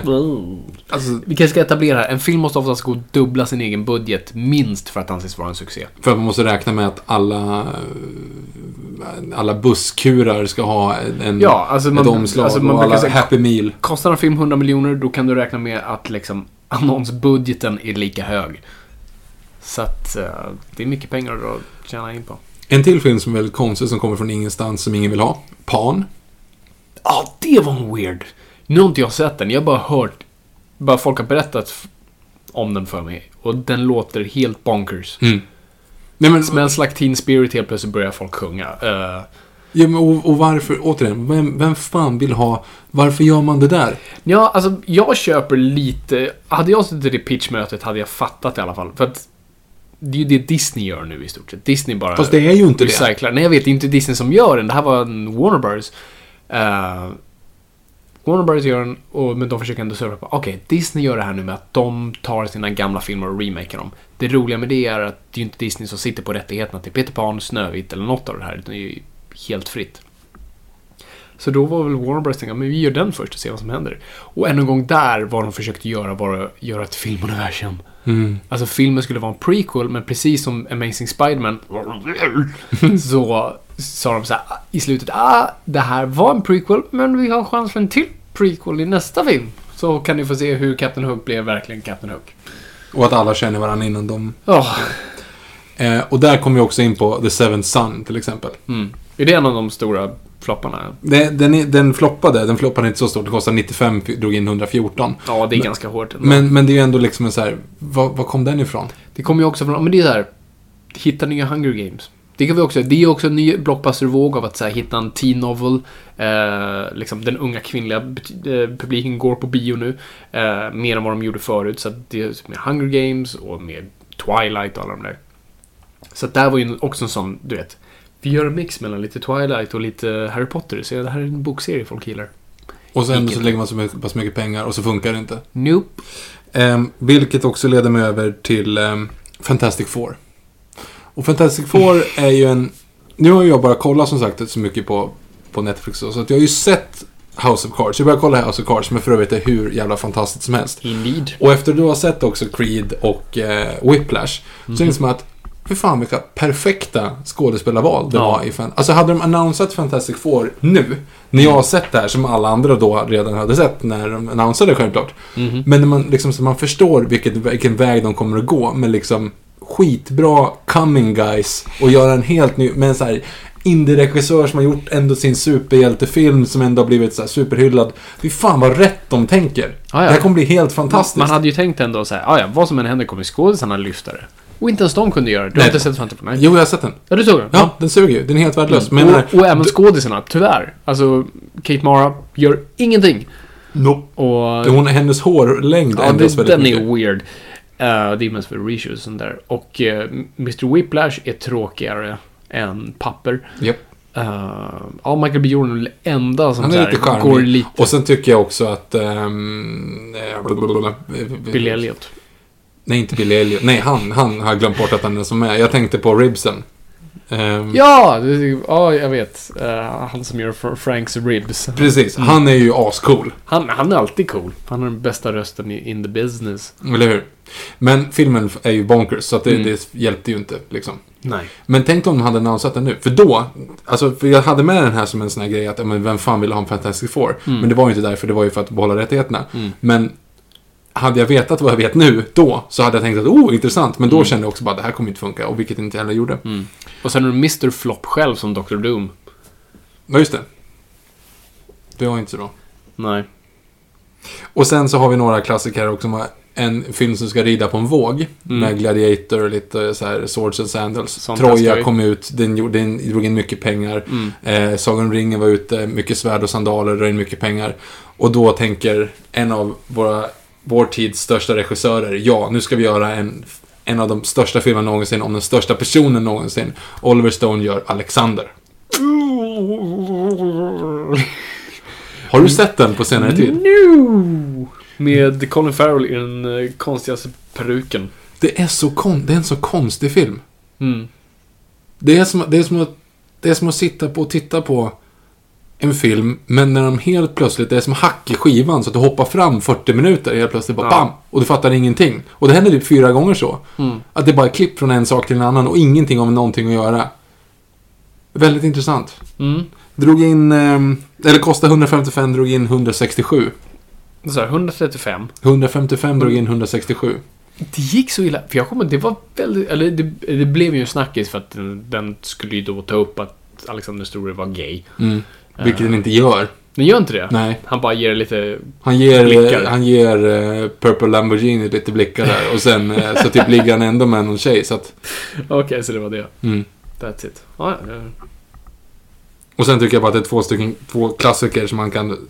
Jag, nu har inte jag... Eh, jag har inte sett dem på år och dagar, men The Postman av Kevin Costner. ja, just det. Det var en hård flopp. Den tog floppade och sen Cutthroat Island som egentligen typ slog ut Gina Davis karriär. Den, den, den, stackarn. Men hon gjorde ju Stuart Little, så det gick ju bra nu. Ja, just det. Så att det Total Redeem. Men sen har du ju Heaven's Gate. Som Ja, sänker ehm, United Artists. Vilken är Alamo är också en sån va? Ja, precis. Det är en jätteflopp. Så att, ja. Nej, du, du har... Det, det är många floppar här. Men det är också, när du kollar på den så bara, fan, jag, vem fan ville se de här? Alltså jag förstår ju. Det är ju ingen som kommer från left field som man tänker, ha den där var konstigt att den floppade. Nej. Eller hur? Det är ingen som Nej, tittar gud, på och tänker ska vara en stor succé. Så vi kollar, vi har ju också en lista, vi kan dra igenom den lite snabbt bara. Eh, på de tio största flopparna genom tiderna. Eh, jag ramlar upp dem rätt snabbt här nu, så Mm. får du ta två meningar om dem varje. Eh, nummer 10, Pan. Ja, det, vi sa det. Jag har inte sett den, jag har bara hört att den är bonkers. Nummer 9, Final Fantasy, The Spirits Within. Jag, vet, jag har inte sett de filmerna, jag vet bara att de är otroligt dyra att göra för att de är animerade ofta. Så att, eh, och det är en väldigt liten publik som ser dem. Nummer 8, The Alamo. Inte sett. Nummer 7, Lone Ranger. Johnny Depp gör bara typ det han är betalad för att göra. Vad konstigt om kråka på huvudet. Nummer, Jack Sparrow. nummer 6, Stealth. Oh, är det den med flyg, om flygplan? Japp. Med eh, Michael J... Inte Michael J Fox. Inte, vad heter Vilken Fox är han då? Inte Michael Fox. Jamie Foxx. Jamie Fox. Eh, och Jessica Biel, va? Eh, Ja. Det är bara roligt. det är sådär, det är den sista, den känns som en del av sin tid någonstans. Du vet när det kom lite av de här udda, så här, man hade ett koncept, så här high concept film, Mm. så här början på 2000-talet, lite som Jakten. Den backade, alltså om man, om man räknade, den kostade 135 miljoner och drog in 76. Mm. Eh, om man räknade om med, med omkostnader och så, så räknar man att den gick, backade ungefär 116 miljoner Ja. för studion. Om man räknar in eh, marknadsföring. Mhm. Det är ganska bra. Det, Nummer 5. Adventures of Pluto Nash. ja, det är en riktig röta alltså. Den är, ja men när du kollar på den så bara, vem, vem, vem är ansvarig för det här? Vem ens, liksom, vem såg en frame av film och tänkte, ja, vi, vi drar inte pluggen på den här. Det är ju den största, alltså skillnaden mellan kostnad och intjänade pengar. Mm. För att det, den, den räknas inte så mycket i att den var, den marknadsfördes inte så mycket tydligen. För att de fattade väl att den sög. Mm. Men den, drog in, den kostade 100 miljoner att göra och drog in 7. Oh. Alltså den, den bara produktionsbudget tappade den 93 miljoner. Det är helt galet. Det är nära att sänka. Jag vet, vet du vem distributionsbolaget är? På? Nej, ingen aning. Jag vet faktiskt inte. Ja, ingen- Det här är, det är för övrigt dollar vi snackar om också. Bara så. så 97 miljoner, eller 93 miljoner dollar gick den back. Yes. Eh, och sen nummer f- eh, fyra här nu är eh, 47 Ronin. Keanu Reeves. Oh, ja, den ja! Som var något sån här, det var något co-producerat med, Ja, med med, ja, Kina, med Kina var det va? Eller var det Det Japan? känns som kineserna Ki- borde ha sett den. Kina kanske det var. Nej, den gick ju sådär, om man säger så. Mm. Kostar 225 miljoner att göra. Jag hade faktiskt ingen aning att den floppade så hårt, för jag tänkte ändå Kina... Det är det, om det inte är Kina, om det är Japan, då är det inte så konstigt för kineserna går inte att se japanska filmer. Nej, det kanske är så. Men Men jag, Kina-marknaden är sagt, jag har inte sett det. Jag tror, förresten så tror jag att det är Kina nu, för att det är hon, huvudrollen blir väl en drake, eller hon, monstret blir en drake. Skitsamma. Eh, Det är väl Japan som har drakar, eller alla har drakar i sin kultur. men- Alla har drakar i men- sin men kultur. Japan Kinesiska. är väl... Nej, just det, nej, det är kinesiska drakar. Är nu? Den, en väldigt konstig eh, nummer tre här. eh, som jag faktiskt inte hade en aning om, är eh, den tredje största floppen genom tiden är Titan AI från 2000. Så, Kommer ni ihåg? Jag kommer ihåg den här filmen. Jag kommer ihåg konceptet av filmen, jag gick inte och såg den. så Nej, jag nej, bidrog nej. till floppen, men jag kommer ihåg, det var ju en fullt helt animerad, alltså 3D-animerad film. Ja, den var tecknad också. Huvudrollerna är typ tecknade. Och sen Jaha. är den animerad. Den, den är någon så här merch av det. Jo, det kanske är det det var. Mm. Just det. Ja, så bara en animerad film som ingen såg. Nej, men det handlar om någon framtidsdystopi och Ja. jorden har gått under och det är liksom jättemycket sådana saker som, Mm. som inte riktigt funkar för att sälja till barn. Liksom. Nej, precis. Eh, näst största floppen genom tiderna, Mars Need Moms. Ja, det är inte så konstigt. Robert Zemeckis slut på hans creepy motion capture-film filmer som bara visar att japp, The Uncanny Valley finns och jag vill inte titta på det. Med Polarexpressen och fan. allt det där. Men då den största floppen genom tiderna, räknat i vad det också kostar att distribuera och sälja in och alltihop, är John Carter. Ja. Skit, ja men det är en skitfilm. Alltså det är inte ens en sån här film som jag tycker, det kanske finns några där ute som säger ja men det är en framtida kult och det kanske kommer bli. Kanske Nej, det- nej, det dem. kommer men, inte bli. men Den den suger. Den är helt Vi såg den tillsammans också va? En gång. Jag Ja, att gjorde vi- gjorde Och vi båda satt där och bara, vem? Eller, Varför? eller säg så här, Mm. jag tycker inte ens att den är dålig, den är bara så här, meh.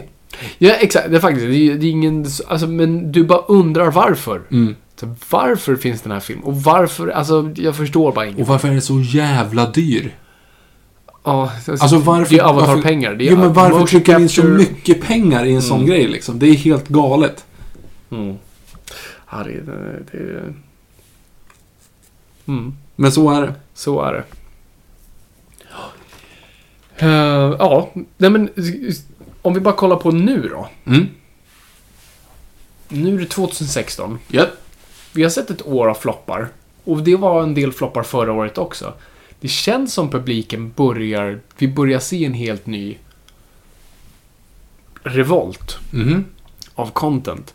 Alltså superhjältefilmer fungerar inte bara för att du kastar ut det. Alltså Fantastic Four visar det. Alltså delvis tycker jag, alltså Batman visar upp men drog in 800 miljoner. Det är jättebra. Så vi ska egentligen inte klaga. Men den skulle ha nått mer.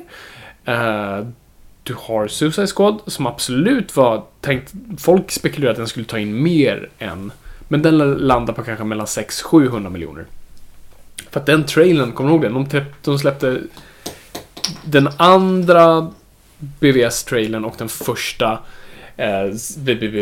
Suicide Squad. Suicide Squad-trailern samtidigt. Och Suicide Squad-trailern fick ju mest views. Ja. Så att den blev, och, den, och efter Deadpool så tänkte man att ah, men det kanske är det här folket vill ha, så den kommer Men den kommer inte dra mer än BVS. Och sen har du Deadpool som drar in jättemycket pengar. Eh, Du har fortfarande Marvel-filmer som drar in mycket bra med cash. Alltså, mm, Civil War bevisar det ganska väl. Men folk är mer selektiva där i alla fall. Eh, Sen är det ju Warcraft som i alla fall för oss i väst är ingenting vi är intresserade av. Folk i öst diggar. Såg du att de höll på nu, eller det var ju snack om att de skulle göra att eh, uppföljaren blir bara i Kina, alltså med kinesisk marknad. Oh jävlar, det skulle inte förvåna mig. Nej, jag läste det. Moviesin skrev en artikel om det idag. Att eh, de kollade liksom på möjligheterna. För den drog in typ 220 miljoner bara i Kina.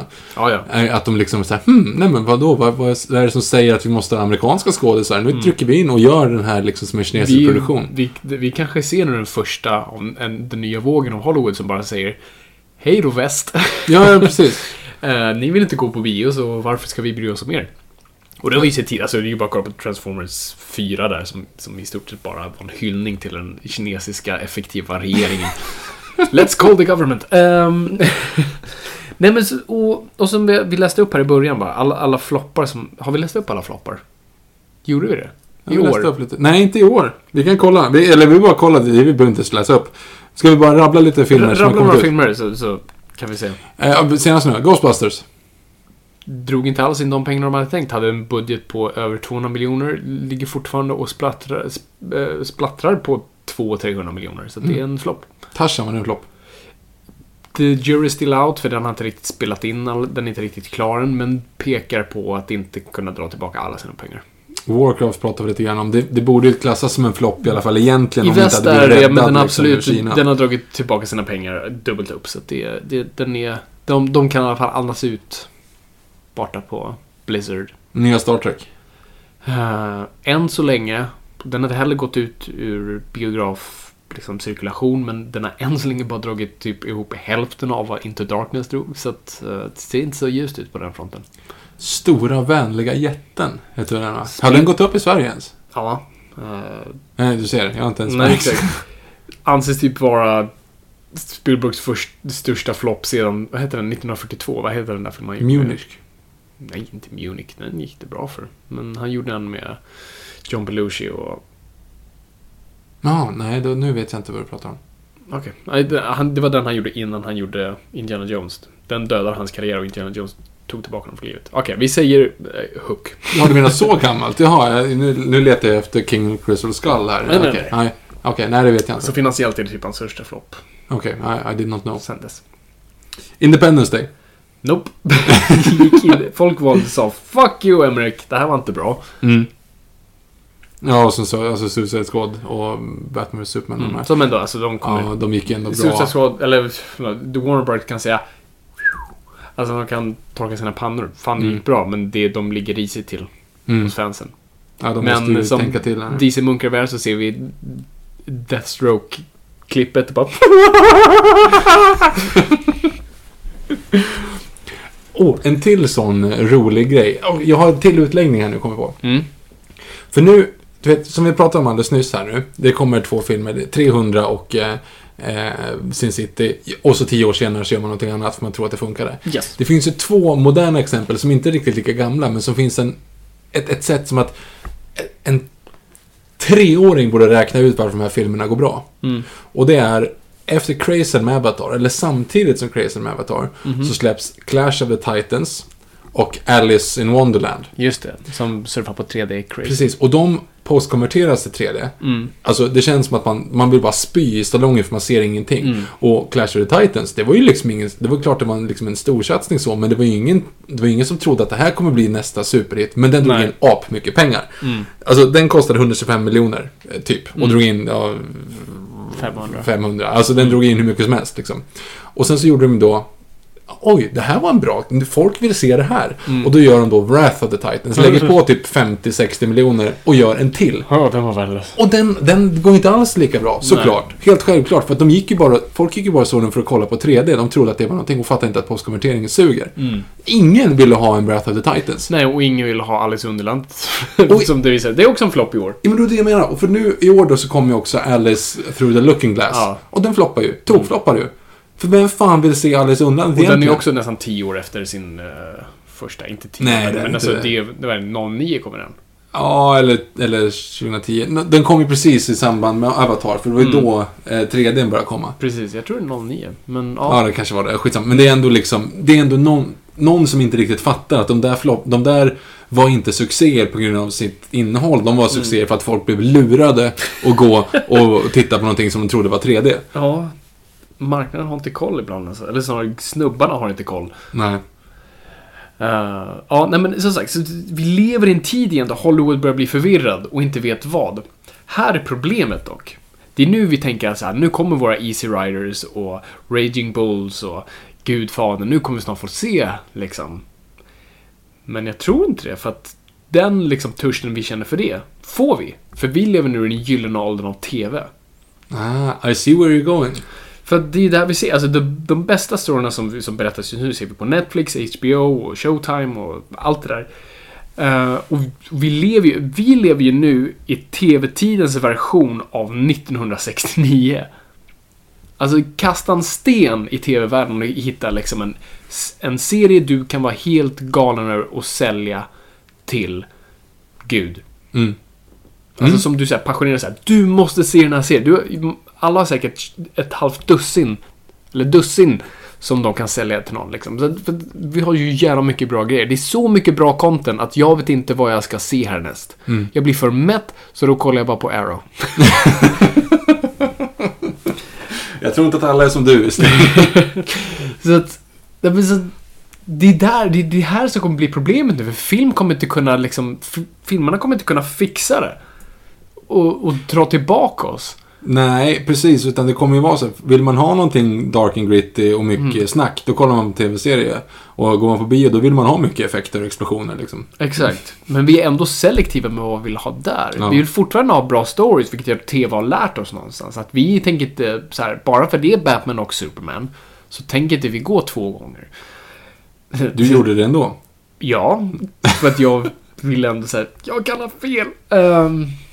Jaha men hur som helst. Så, att, så jag, jag, jag är själv förvirrad med liksom vad folk vill ha. Alltså vad... Vad vill vi ha? Jag vet inte. Alltså det enda jag kan tänka mig, det är ju alltså bra stories med. Alltså, och för att bara dra en enkel liksom tanke så Nolan är ju någonstans där på något vis. Han är ju mellan spektakel men ändå liksom blockbuster och allt sånt där men ändå någonting smart. Det är bara för att han har bevisat att han kan göra vad fan han vill. Precis, och det är lite det jag... Exakt, det är väldigt bra poäng. Och jag har tänkt på det, för jag satt i mitt huvud och jämförde Inception versus Matrix. Och jag skulle ändå säga att Matrix är en större bedrift. Trots att jag skulle föredra Inception som film, så är Matrix en större bedrift på grund av att den kom från ingenstans. Mm. Och gjorde superbusiness. Eh, med så här, okända regissörer, cast som inte är super, liksom... Keanu Keanu Reeves. Jo, Keanu Reeves var Alla ändå lite star power då. star power, men det är ingen som såhär, åh, den nya Keanu Reeves-filmen. Har någon någonsin sagt det? Jag tror inte det. Eh, producenterna bakom 47, vad heter den? Ronin. Ja, gud. Ehm, ja men så, så, så precis, så, så Nolan lever på Nolan. Mm. Eh, jag tror, nej precis, för du kan inte släppa Inception bara så här. Med, här är Kalle Karlssons Inception. Ja. Eh, så vad är liksom, vad, är, vad finns filmerna idag som gör det här? Och vad liksom, ett gyllene år för film tyckte jag var typ 07 med There Will Be Blood och No Country for Old Men. Det var Ja, så här, just det. "Oj, det här känns som ett år där vi kan, så här, det känns som två filmklassiker föds nu. Men det har inte gjorts i år. Och, och de, fi- ja, men, nej, det har absolut inte gjorts. Jag kollar på Oscarsgalan de tre senaste åren så bara så här, det här är mellanmjölk. Eh, nej, The Revenant kommer inte bli en klassiker. Forget about it. Ehm, nej, men så... så det, Du verkar upprörd för jag är bara förvirrad, för jag kan inte se ett mönster längre. Jag tror Mom deserves the best, and there's no better place to shop for Mother's Day than Whole Foods Market. They're your destination for unbeatable savings, from premium gifts to show-stopping flowers and irresistible desserts. Start by saving 33% with Prime on all body care and candles. Then get a 15-stem bunch of tulips for just $9.99 each with Prime. Round out Mom's menu with festive rosé, irresistible berry chantilly cake, and more special treats. Come celebrate Mother's Day at Whole Foods Market. Hey, it's Danny Pellegrino from Everything Iconic. Ready to upgrade your style game without blowing your budget? Check out Quince. They've got all the good stuff shirts and polos, activewear, and fine leather goods, all at 50 to 80% less than other high end brands. And the best part? They're all about safe, ethical, and responsible manufacturing. Get that luxury vibe without the luxury price tag. Hit up quince.com slash upgrade for free shipping and 365 day returns on your next order. That's quince.com slash upgrade. Imagine the softest sheets you've ever felt. Now imagine them getting even softer over time. That's what you'll feel with Bowl and Branch's organic cotton sheets. In a recent customer survey, 96% replied that Bowl and Branch sheets get softer with every wash. Start getting your best night's sleep in these sheets that get softer and softer for years to come. Try their sheets with a 30-night guarantee. Plus, get 15% off your first order at bowlandbranch.com. Code BUTTERY. Exclusions apply. See site for details. känner mig lite som producenterna på, på 1969. Det- Jag, jag vet inte vad... Du får lösa det här. Ja, eller hur? Nej, men det är ju en frustration för mig som jobbar i branschen nu liksom. Att, att, alltså, och jag vet ju själv, alltså, när jag går in i pitchmöten, hur svårt det är att liksom... Och jag sitter själv med ett projekt nu som jag försöker så här. Hur kan det här vara en film och inte en tv-serie? Hur kan jag övertala någon att inte göra en tv-serie av den här idén? För det här tycker jag passar bäst som en film till exempel. Och det är en jättesvår grej, för att som författare måste du nu tänka helt annan mönster. Jag, det räcker inte med att jag går in med en bra story. Nej, du måste ha ett spektakel i tredje akten. Nej, jag behöver, jag behöver inte heller ha ett spektakel. Alltså, för det som ändå är lite skönt med svensk, svensk, vi kan ju prata lite där, alltså svenska blockbusters. Det är ju bara hitta en succébok. Män som hatar kvinnor, man som heter Hove, un- hundraåringen. Nej, Arn. inte Arn. um, och han, alltså, tar du man sån så går liksom en miljon att se den. Och då behöver du inte ha så mycket spektakel runt utan liksom, du behöver man snackis. Ehm, så att vi gör det fortfarande lite lättare, men jag måste fortfarande övertala någon att säga liksom, nej men det här är en film som folk kommer gå och se. Eh, och den här behöver inte vara en tv-serie nödvändigtvis. Det är lite det man måste bara. Så liksom alla idéer egentligen man har nu som författare när, vi, när jag sitter med medförfattare och pratar, det är ju i stort sett säkert, hur, okej, den här, jag gillar den här idén. Hur ser det ut att göra det till tv? Mm. Kan vi pitcha det för en kanal istället? För det är enklare. Och det är det folk vill ha och det är lättare att liksom jobba med marknaden. Så att, nej jag, bara, jag vet inte vad film ska göra just nu. För att alltså, en No Old Men hade idag typ varit en tv-serie. Jag tror, eh, alltså bara en sån film Det som- Will Be Blood hade varit en tv-serie. Men No Country for Old Men nej, kanske. jag tror tvärtom. För Paul Thomas Anderson hade gjort den filmen idag oavsett och den hade sett likadan ut. Och Paul Thomas Anderson har en... Och, i och, för sig, och Coen är ju också där. Men Coen är lite mer flexibla och jag tror en sån film är så... Ja, jag vet inte. I don't know. Eh, sen ska vi inte hata Blockbuster för det är också en ganska bra parallell. Vad tror du finansierar Paramount finansierade No Country for Old Men och There Will Be Blood? Mm, Batman Begins. Transformers. Ja, okej. De kommer typ samma år. Ja. Nej men så är det ju alltid. Och det är därför vi får se Room. För att det finns blockbusters. Ja, exakt. Så det, det är inget fel på det så. Jag älskar blockbuster och jag älskar att de finns och att det går bra. Alltså går det bra för Hollywood så får vi även de små, mindre grejerna. För det är fortfarande att... För då kanske ni där hemma säger eh, liksom, jo men de här, det här är ju independent-filmer. De görs ju inte av studios. Nej, men studierna köper dem. Och det är studierna som får, som får dig att se dem. Att du så gick och såg Room på bio. Du som gjorde det. Det är inte tack vare en liten independent-studio utan alltså independent-studion kastar hela sin budget på produktionen och sen hoppas de och ber till gudarna att Warner Bros, Paramount, Fox, någon går och köper dem. Och sen lägger upp dem på bio för hoppas, de hoppas att det kan bli en Oscarsfilm. Så att studierna är fortfarande otroligt väsentliga och än så länge måste finnas. Nu börjar det, alltså det börjar ju också för exempel att Netflix köper filmer nu. Amazon köper filmer. Uh, så att det har ju blivit en helt annan marknad där. Jag tror, var det Amazon nu som köpte, eller var det Netflix? Alltså någon av dem där köpte hur många filmer som helst i Cannes. De bara plockade på sig allt de kunde hitta. Mm, Så, vi, så vi, vi börjar se det mer och mer. Så jag vet inte vad film ska göra nu. Eh, jag, alltså, på ett sätt är jag ju glad. Jag gillar att publiken är mer selektiv. För vi har ju levt lite med att blockbusters är korkade. Ja, just det. Ja, Liksom. och talar till en jättestor... Eh, Ja, transformification av liksom, biopublik. Och sen kommer någon som Nolan som ändå säger så nej men det finns lite smartare människor där ändå. Alltså, för en film som gör nästan en miljard, det är inte bara Nolan-fans, utan det är människor som faktiskt liksom bara tycker om filmen. Eller är intresserade av filmen. Så att, och jag gillar att vi är mer selektiva. Men fortfarande, den senaste Transformers-filmen drog in över en miljard. Jag förstår inte. Ah, ja, skitsamma. Um, så på ett vis bådar det någonting gott och säger till Hollywood liksom, nej men det här räcker inte nu. Vi behöver bra stories. Det räcker inte med att ha Batman och Superman. You know? liksom, är filmen inte bra så kommer vi inte gå. Två gånger. Förutom om hon heter Fabian. Precis, förutom det får vi. Så jag hoppas bara att jag vill ju inte heller att filmerna bara, eller filmstudion säger ja men vi gör det Netflix gör. Eh, för det går inte heller att göra. Uh, så jag, jag, vet inte kontentan av det. Jag är Mm. själv förvirrad. Bara, jag, kan inte, jag har ingen riktigt bra analys på det här. Jag tycker att du sätter huvudet på spiken. Eh, bara en, så här, en, en, en anekdot som egentligen inte har med det att göra, men vi kan återkoppla. Det är att igår, då inför det här avsnittet, skulle jag kolla på två blockbusters, tänkte jag. All right. Eh, jag satt igår kväll, eh, sambon somnade i soffan framför House of Cards vid typ halv nio. Så då hade jag liksom ändå, så, ja, men ändå tre timmar att kolla film, typ. Liksom. Mm. Då ska jag slå på två stycken blockbusters. Eh, så bara satt jag och zappade igenom. Så kollade jag Prince of Thieves.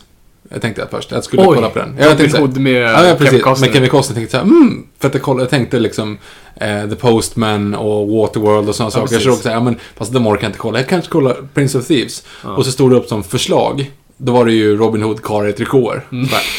Ja, den är ju bättre. Så jag kollade Karlar i trikåer igår. Och så tänkte jag, efter jag sett klart den, så bara, men nu måste jag kolla på en blockbuster. Nu, nu vill jag liksom, nu ska jag gå så blockbustigt som det bara går. Mm.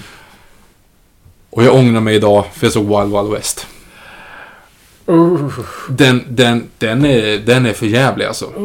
Den är, det, det dödade ju typ, det dödade inte Will Smiths karriär, men det lätt det stannade ju upp den Det alltså. stannar upp den, för han var ju precis där. Han hade gjort Independence Day och var liksom... Och Men in Black. Och Men in Black och sen gör han den här. Ah, Och så gjorde han den här och så gjorde han Ali.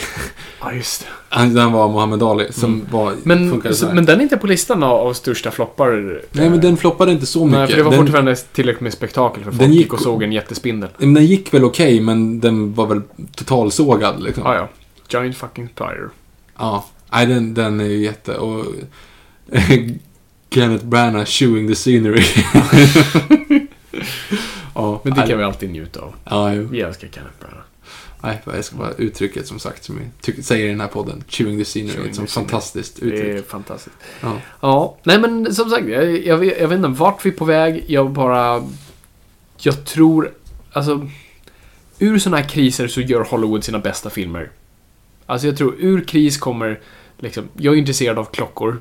Det är en så här, det är en liten sub-nörderi jag har. Och klockbranschen har alltid producerat som bäst när de har varit i en kris. Quartz-krisen på 70-talet, när batteriklockor kommer. Ah! Panik! Vad ska vi göra nu? Vi gör mekaniska klockor här i Schweiz och ingen vill ha dem för folk gillar batterier. Uh, och då har hela, liksom, hela branschen håller på att gå en konkurs, men de bara då kliver ur asken och bara nej, men fan vi gör ännu bättre grejer.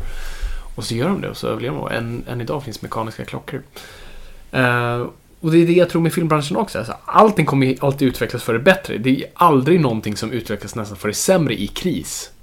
Alltså får vi slut på ett material, om vi får slut på al- aluminium, det är inte så att världen går under utan vi bara, okej då tar vi nästa material.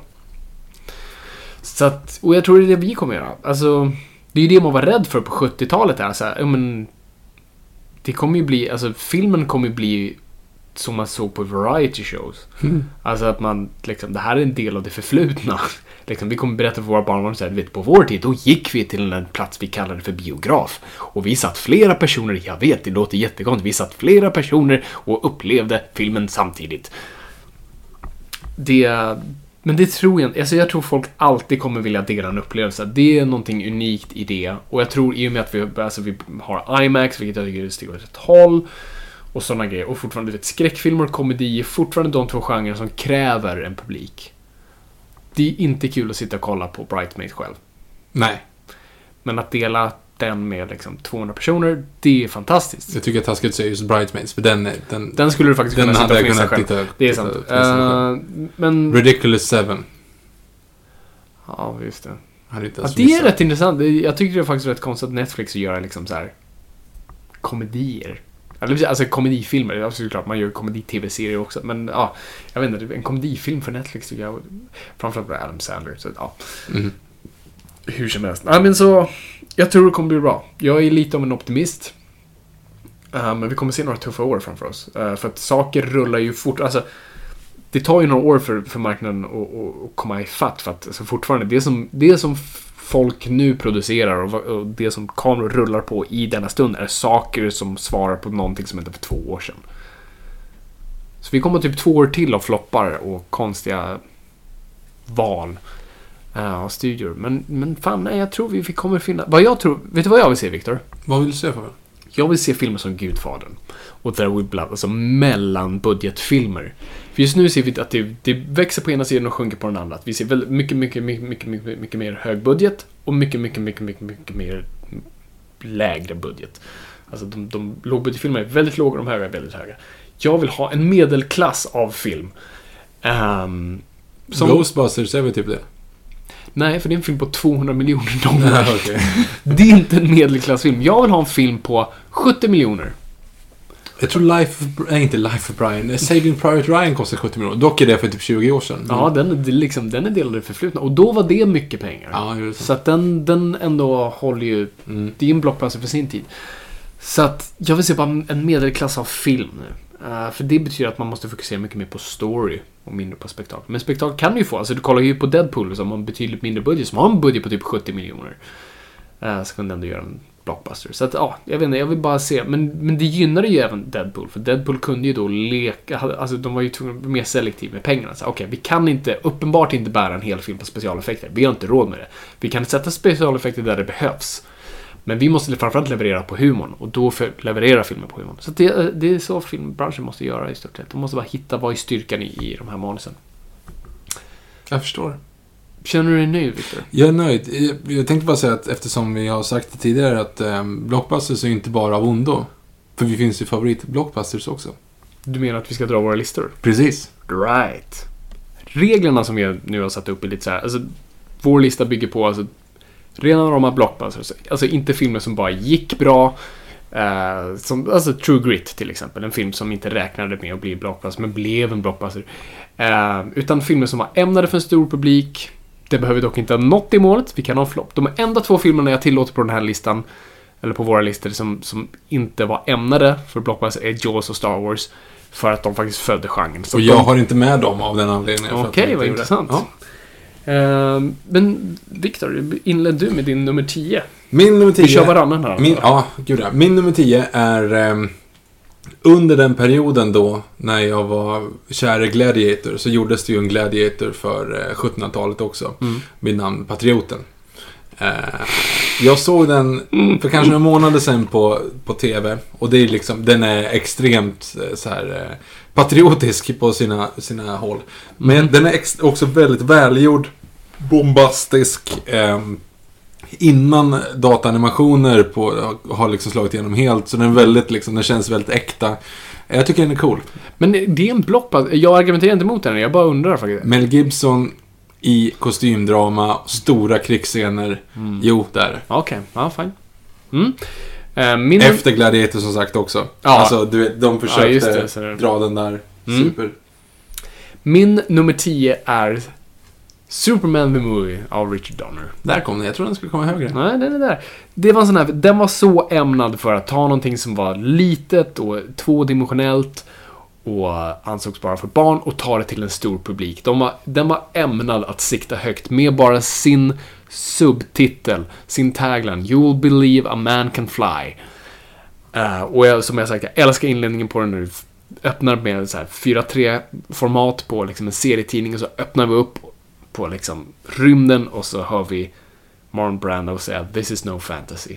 Och då vet vi. Det här ska vara på riktigt. Och det här är liksom... Åh, nej, det, det är för mig. Den gör exakt vad en så här stor film ska göra. Den, och den är familjevänlig, den är för alla. Och den gör mig bara glad. Mm? Mm. Nummer nio. Indiana Jones and the Last Crusade. Okej, trean. För jag tycker att det är en... Jag har också valt lite grann bara en i varje franchise för, av ja, medvetet. Eh, Jag tycker att trean är... Eh, det, det, jag, ja, det, jag vet inte om det egentligen är jag inte riktigt säker att jag tycker att den eller ettan är bäst. Mm. Men den är mest spektaklig. Eh, det är eh, stora explosioner, många miljöer och Vackra Sean. Connery. ja, Sean Connery. Nej, och den är nog den som jag också har sett mest. Mm. Och tyckte absolut var bäst när jag var yngre. Mm, det gjorde jag också. Ja. Ja, intressant. Ja, jag, jag kan tänka mig det. Det är, det är absolut det är Spielberg. Ehm, jag var ju tvungen, för att jag är jag, en Bondfilm.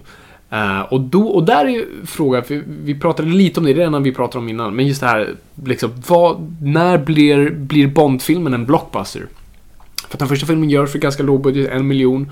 Absolut ämnad för att ge Bond till världen och, och sikta på en större publik, men ändå osäkert så.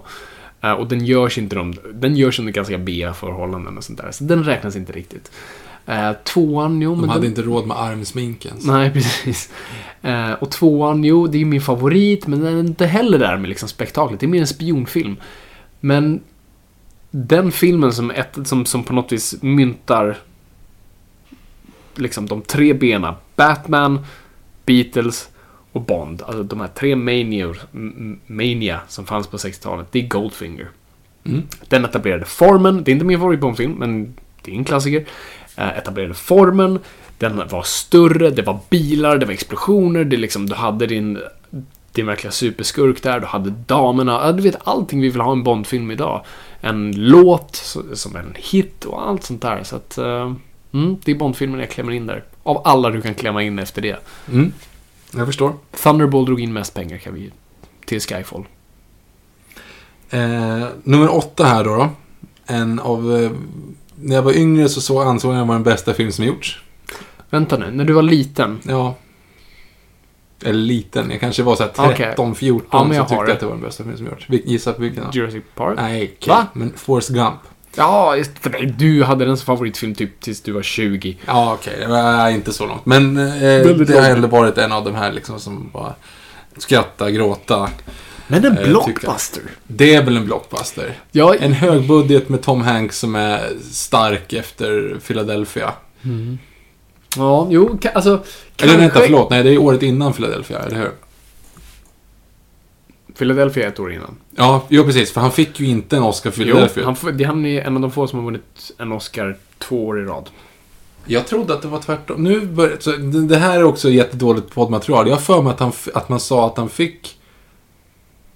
Om, jag kommer inte ihåg vilken ordning, men att han fick för en av dem för den andra. Alltså att han Mm. fick för Forrest Gump fast man slog ihop liksom, prestationen också i Philadelphia. Jag vet att jag har sagt många gånger i den här podden att jag är hundra på något. Ja. Och så visar det sig att jag har grovt fel. Okej, men nej, jag är nästan hundra på det här. okej, att han vann två Oscar. Jag tar två, tillbaka, jag tar tillbaka två allting. år i rad. Jag tar tillbaka allting. Men jag fan, Okej, skitsamma.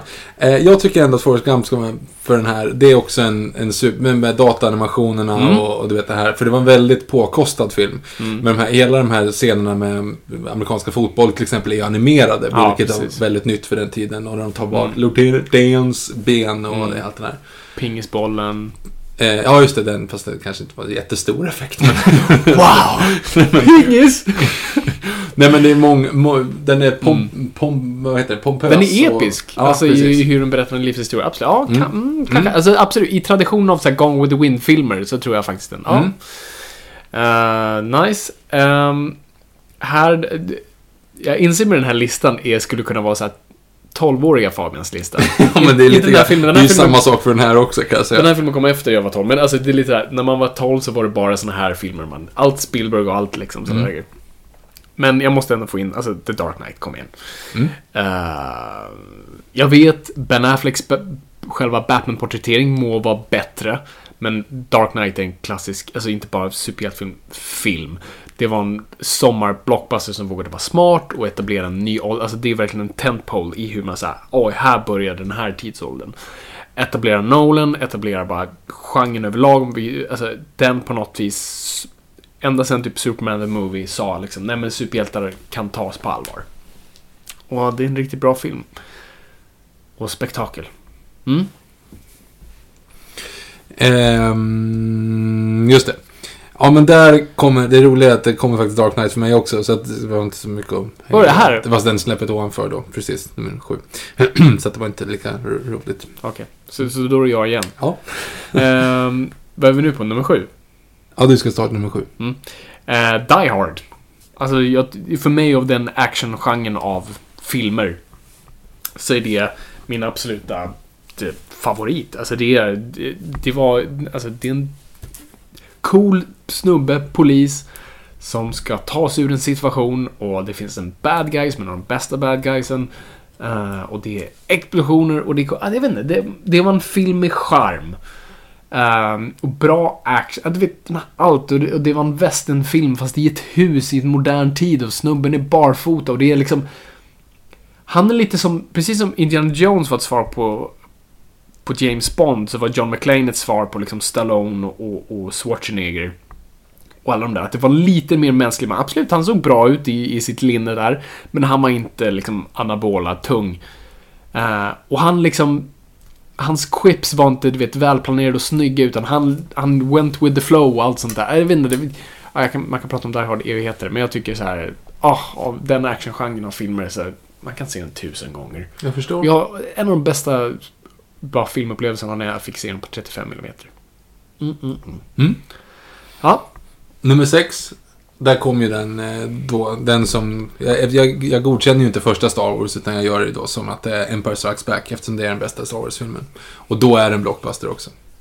I och med att Empire Strikes Back. Empire Strikes Back, precis. Mm, nej, då, absolut. Och, alltså, du kör en uppföljare igen här. Mm. Men det är är också, jag körde Dark Knight här, men... eh, mm. Det är ju liksom...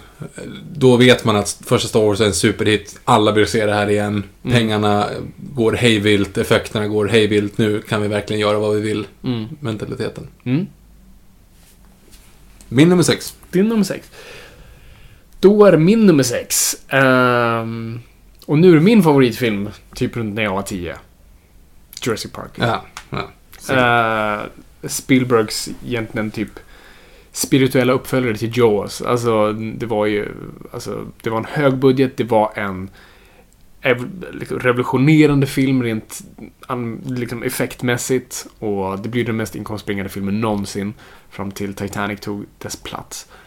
Uh, och som jag tycker är en, alltså, det är en underskattad film rent manusmässigt. Jag tycker den är välskriven. Lyssna på Jurassic Park-avsnitt så sitter vi och gråter över det. Eh, men det är en bra spektakelfilm. Det är en monsterrulle och katastroffilm med allt det och en moralsaga. Den har allt. Jag är med. Jag tror att vi kommer likna varandra ganska mycket nu. Kommer vi... Ja, jag tror att det kommer liksom mercha ganska rejält. Mhm. Eh, och det är ju då, för min nummer fem är Terminator 2. Mm. Så jag, jag jobbar uppföljare. Men det handlar också om att, att första Terminator är ingen blockbuster på samma sätt. Nej, det är Eh. mer en här, nästan Roger Corman-film. Precis. Som råkar bli... Som Stor. råkar bli en hit. Och som, alltså, Arnold har ju gjort Conan. Mm. Och det är ju det enda han har gjort. Han har gjort typ Hercules i New York. Någon, någon sån här mjukporr och sen så gör han eh, Terminator liksom. Mm. Så att det är en, ingen superfilm. Men 92, då var han på sin prime. Eller han blir det i alla fall med det liksom. Mm. För övrigt kan vi prata rätt mycket, för jag har också sett eh, Last, eller Last Action Hero. Om du har sett den. Jag, Ja, jag, jag gillar faktiskt den väldigt Var det mycket. så? Jag fastnade inte för den. Nej, jag den tyckte, jag tyckte bara för att den för, liksom, ursäktade sina klyschor så flydde den inte från dem. Ah, ja, det- men jag tyckte att det var skärmen med. Okej, det behöver vi inte prata om nu. Jag gillade den i alla fall. Ja, det, de flesta gör så att det Men jag, Terminator 2. Jag är minoritet. Den floppade ju för övrigt. Terminator. Nej, eh, Last Action Hero. Ja, det gjorde det. Är inte det Shane Black som skrev den? Jo. Ehm, ja, min nu är en Indiana Jones och det är Raiders of the Lost Ark. Mm. Första. Eh, jag tycker, absolut, när jag var med dig var, var trean bäst. Men jag tror trean var bäst för att den stod på axlarna av den första. Och den var rolig för att den liksom... Jag, jag har svårt att se att den står på egna ben. Första är en perfekt film. Alltså, hittat fel i Raiders of the Lost Ark. Och då menar jag inte klafffel eller movie mistakes. Utan bara hittat fel i den filmen. Tonmässigt, skådespelarmässigt, manusmässigt. Allt är... Den födde en genre. På ett helt annat sätt. Och ja, nej. Nej, jag, jag kan inte argumentera emot. Älskar. Men jag gör, ju, jag gör ju de här lite grann utifrån mitt 13-åriga jag. Alltså, ja, alltså blockbuster-grejen liksom. Mm. Så att jag tycker att Raiders of Lost Ark var bättre då. Mm. Eller vad säger jag? Last Crusade var bättre än Raiders då. Nummer fyra. Nu börjar vi in på riktiga såna här... Eh, Hej, jag heter Victor, jag är 12 år. Är ju Gladiator, såklart. Såklart. Det, det är liksom svärd och sandaler, det är stora muskler och mycket kärlek. Liksom. Mm. Är det, jag, jag var nära på att sätta in Troja på listan också, men nej. Gladiator tycker jag är helt fantastisk på alla sätt och vis. Jag vet inte om den håller riktigt jag längre. måste se om den, för jag kommer ihåg, jag såg, nu alltså flera, flera, flera år sedan jag såg om den och då var jag lite såhär, "Nej, oh, nej." Fast, men då var jag under min så här Men du var ju fina... svår under Ja, jag vet, jag var svår. Då var det lite såhär, här är för etablerat. Ja. Eh, men jag skulle jättegärna vilja se den nu, för jag tror säkert jag kommer gråta manliga tårar. ja, nej, ja, jag tror att jag kommer göra det också. Så att. Mm. Ja, vi får titta på den. Nummer fyra. Det var nummer fem. Nu kommer en som du har nämnt här och det är Terminator 2 såklart. Mm. Alltså jag tycker liksom av också så här i actiongenren överlag så att så här, skulle någon fråga mig, nämn en actionfilm, då tror jag jag skulle säga Terminator 2. Eh, för den etablerar genren på nytt. Liksom med vad det ska vara, med en stjärna och explosioner och effekter du aldrig sett förut. Och, nej, Mm. Jag kan inte säga något mer. Det är, det är Terminator 2. Vad, vad vill ni ha från mig? Och här kommer en film som jag är relativt säker på att du inte har på din lista. Mhm. Men eh, eftersom 13-åriga Victor fortsätter dra sin lista här så är det Titanic. Ja, jag, jag är inte förvånad. Vi har ju pratat så mycket om det här redan, men det är samma sak där. Det är, det är kärlek och bombastiska scener och mycket solnedgång och, och mycket pussar. Nej, den är, den är helt fantastisk fortfarande. Och jag, jag vet inte om jag tycker att filmen är bra, för jag kan inte ens se den objektivt. Jag sitter bara och, och pratar med i alla repliker och eh, gråter manliga tårar där också. Mm. Ja, det, jag, jag, kan, jag är inget fan av Titanic, Jag men jag kan inte spotta på någon som, som, som, som gillar den. Ja. Bara folk som gillar dagboken. Ehm, Vilket ju också är här kommer min eh, sandaler och svärdfilm. Spartacus. Spartacus. Eh, Stanley Kubricks e- epos. Och vad jag älskar med den sammanfattar i, i, i jag tror Stanley Kubrick-dokumentären uh, A Life in Pictures. Du kommer inte ihåg vem som sa det, men det är någon produktionen som, som beskrev den filmen och ju sa just. Alltså, alla de här filmerna innan, Sandalernas värld-filmerna, hade ju något Jesus i den. Det var ett religiöst budskap och det skulle vara Jesus och allt sånt där. Och den här snubben sa Well, we didn't have Jesus, but we had Kubrick.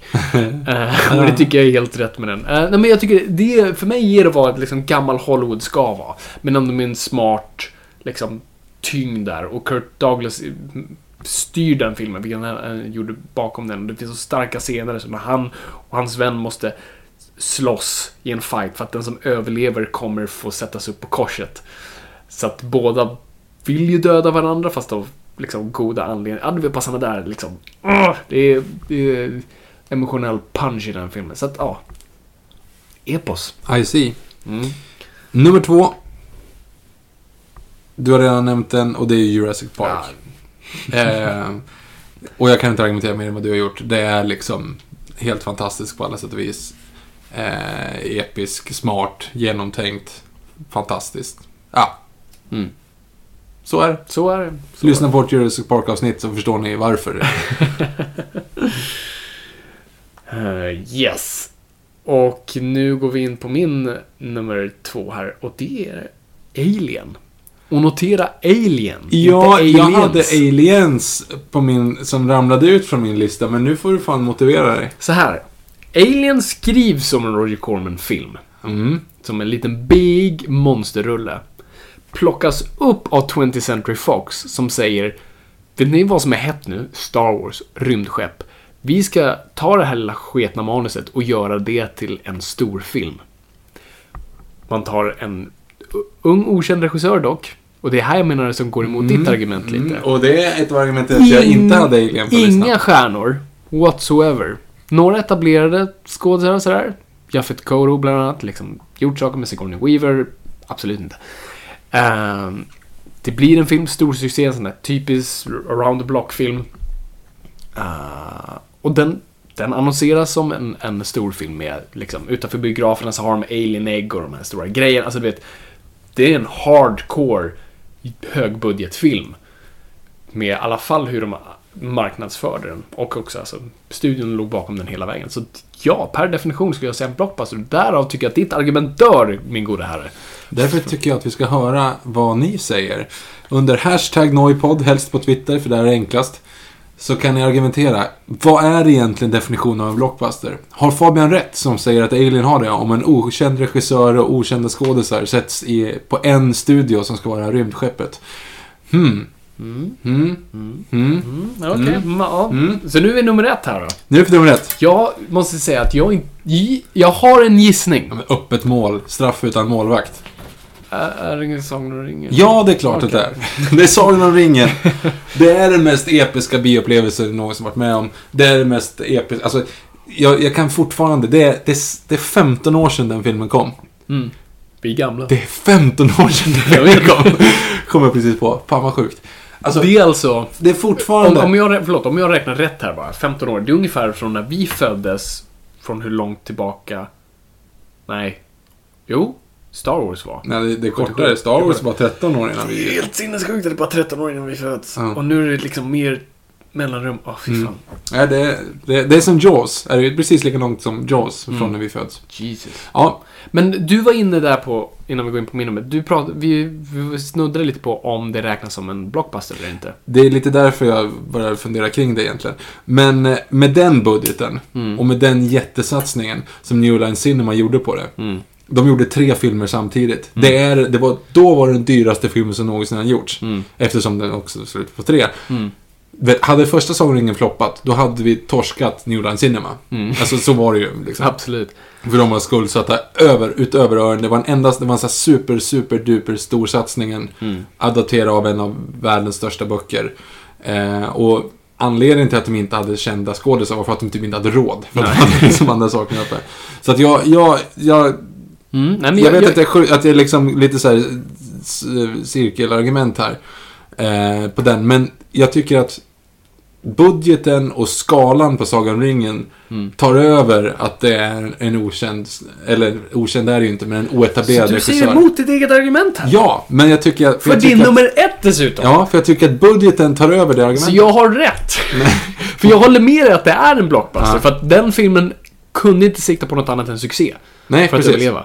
Det här var inte en film som säger, ja men vi nöjer oss som liksom om Oscarspubliken går och säger nej, nej, nej, det här var en film som var, typ- de var tvungna. Mm. Och den har revolutionerande teknik och allt sånt där och testade helt nya saker. Men som du säger, inte en superkänd regissör. Absolut, Peter Jackson var ett namn. Ja, gud ja. Och hade blivit tillfrågad för att göra en Bond-film. Så att, du vet, det, han fanns på folks läppar, men ändå inte, du vet. Det var ingen som, ännu en gång, innan Sagan om ringen var ingen, ingen, eller det var inte många som gick och sa Hej, ska vi gå och se den nya Peter Jackson-filmen? Nej, gud nej.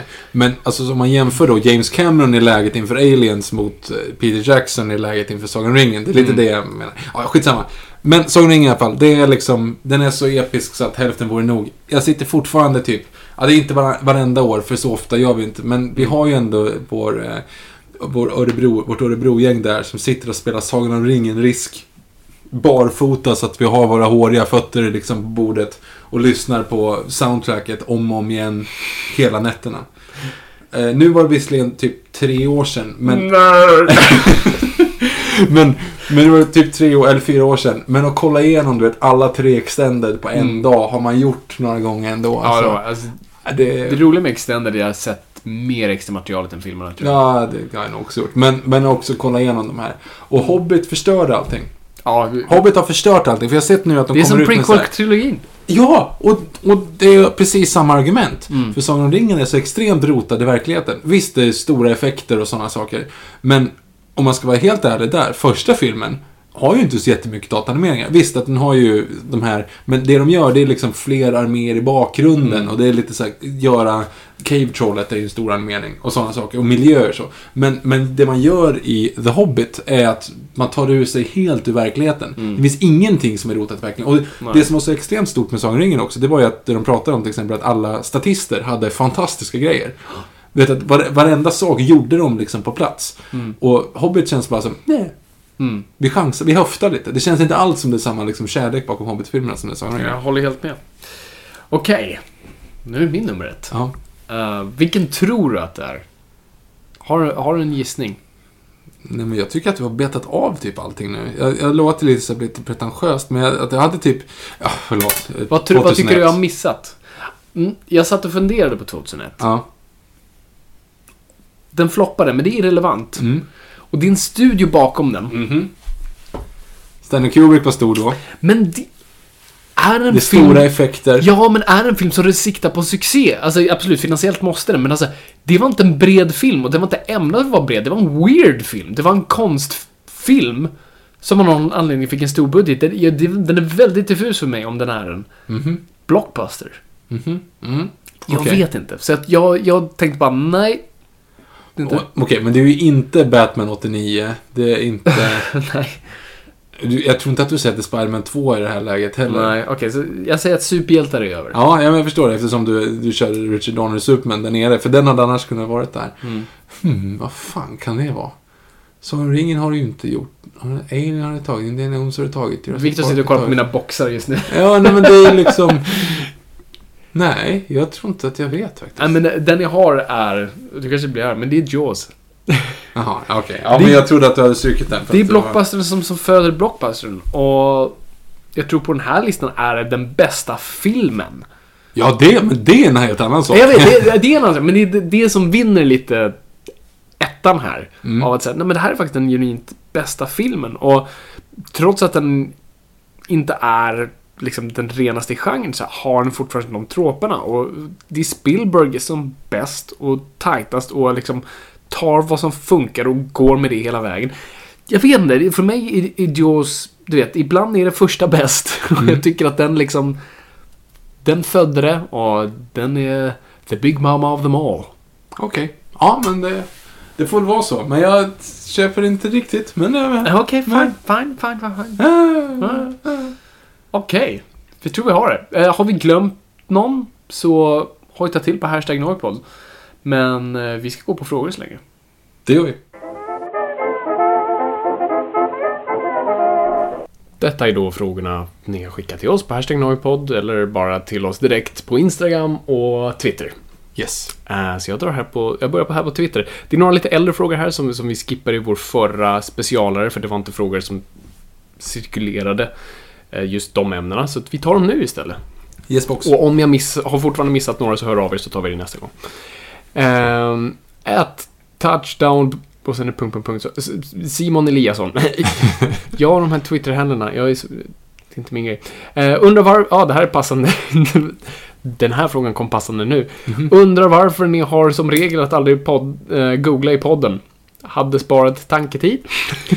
Ja, självklart. Alltså grejen är så här. Jag, jag tycker inte att det är intressant att lyssna på en podcast där folk sitter och googlar. Av den enkla anledningen att jag kan göra det själv. Ja, jo men exakt. Det är aldrig kul att, att lyssna på folk som knappar på tangentbordet. Som vi sa tidigare. Alltså, och jag tycker det är roligt att lyssna på folk som försöker komma fram till någonting. Precis. Och jag tycker det gynnar det män, den mänskliga hjärnan till Vi på tok för mycket en Google-period där vi bara googlar saker utan att faktiskt använda den här fina hjärnan vi har fått. Jag har ju satt det också lite grann i system att jag, jag försöker ju lära mig saker.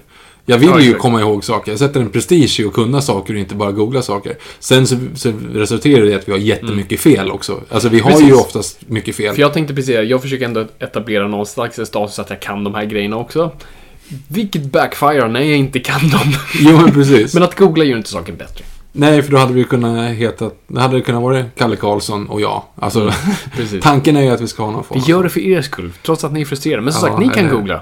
Eller? Ni kan googla och påpeka när vi har fel istället. Precis, det är kul. Jag tror också att jag hade blivit mycket stelare och sämre om jag hade suttit och kollat telefonen hela tiden. Ja, jo, så hade det nog säkert. Ja.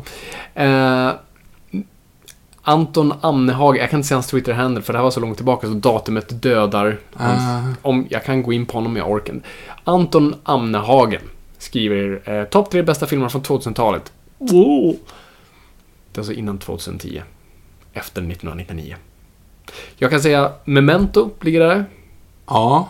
Uh, no, uh, There Will Be Blood ligger där. Oh, There Will Blood ligger där. Så det är ändå det är två tre. Jag skulle, jag, skulle jag bara säga på rak arm skulle jag säga Oh, eh, Departed oh. som en av dem. En som jag kommer på nu, som egentligen är fel, men det är bara för att jag kommer på en perfekt film. Det är troligtvis inte den bästa, men en perfekt film, det är Casino Royale. Fan. Ja, men jag skulle nog säga, det sitter ju bara så här, klubben Sen finns säkert. Dark Knight där också, men ja.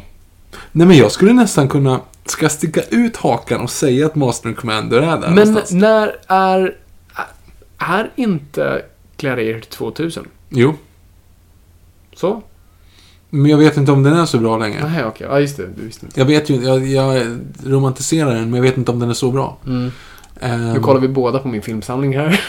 Och jag menar, Sagan om ringen den kommer släppa ju där, men jag vet inte om det liksom Ja, det var är... det jag trodde du ändå skulle ta. Ja, men o- okej, låt oss säga så här då. Sagan om ringen, Departed, och sen så säger jag fan Master and Commander, bara för att den är så färsk i minnet också. Okej, ja, fine. Mm, ja, men då så. Ja. Ehm, Vad kom du på? Du sa oh, och sen så... Nej, men jag, kom, jag tänkte, men sen kom jag, jag tänkte In Bruges, men den är väl... Ja, det är typ 2008 eller något sånt Ja, det kanske är. Ja. Det var så länge, 2009 någonting. Den är ju skitbra, men den det är kanske inte den riktigt kanske inte där. där. Nej. Um, att Ka- Karlberg Erik. Vilken superhjälte kan besegra Dr. Manhattan? Niente. Bra fråga. The Flash skulle ju kunna ha lite, för de är ändå på så här molekylär nivå, skulle kunna göra något. Mm.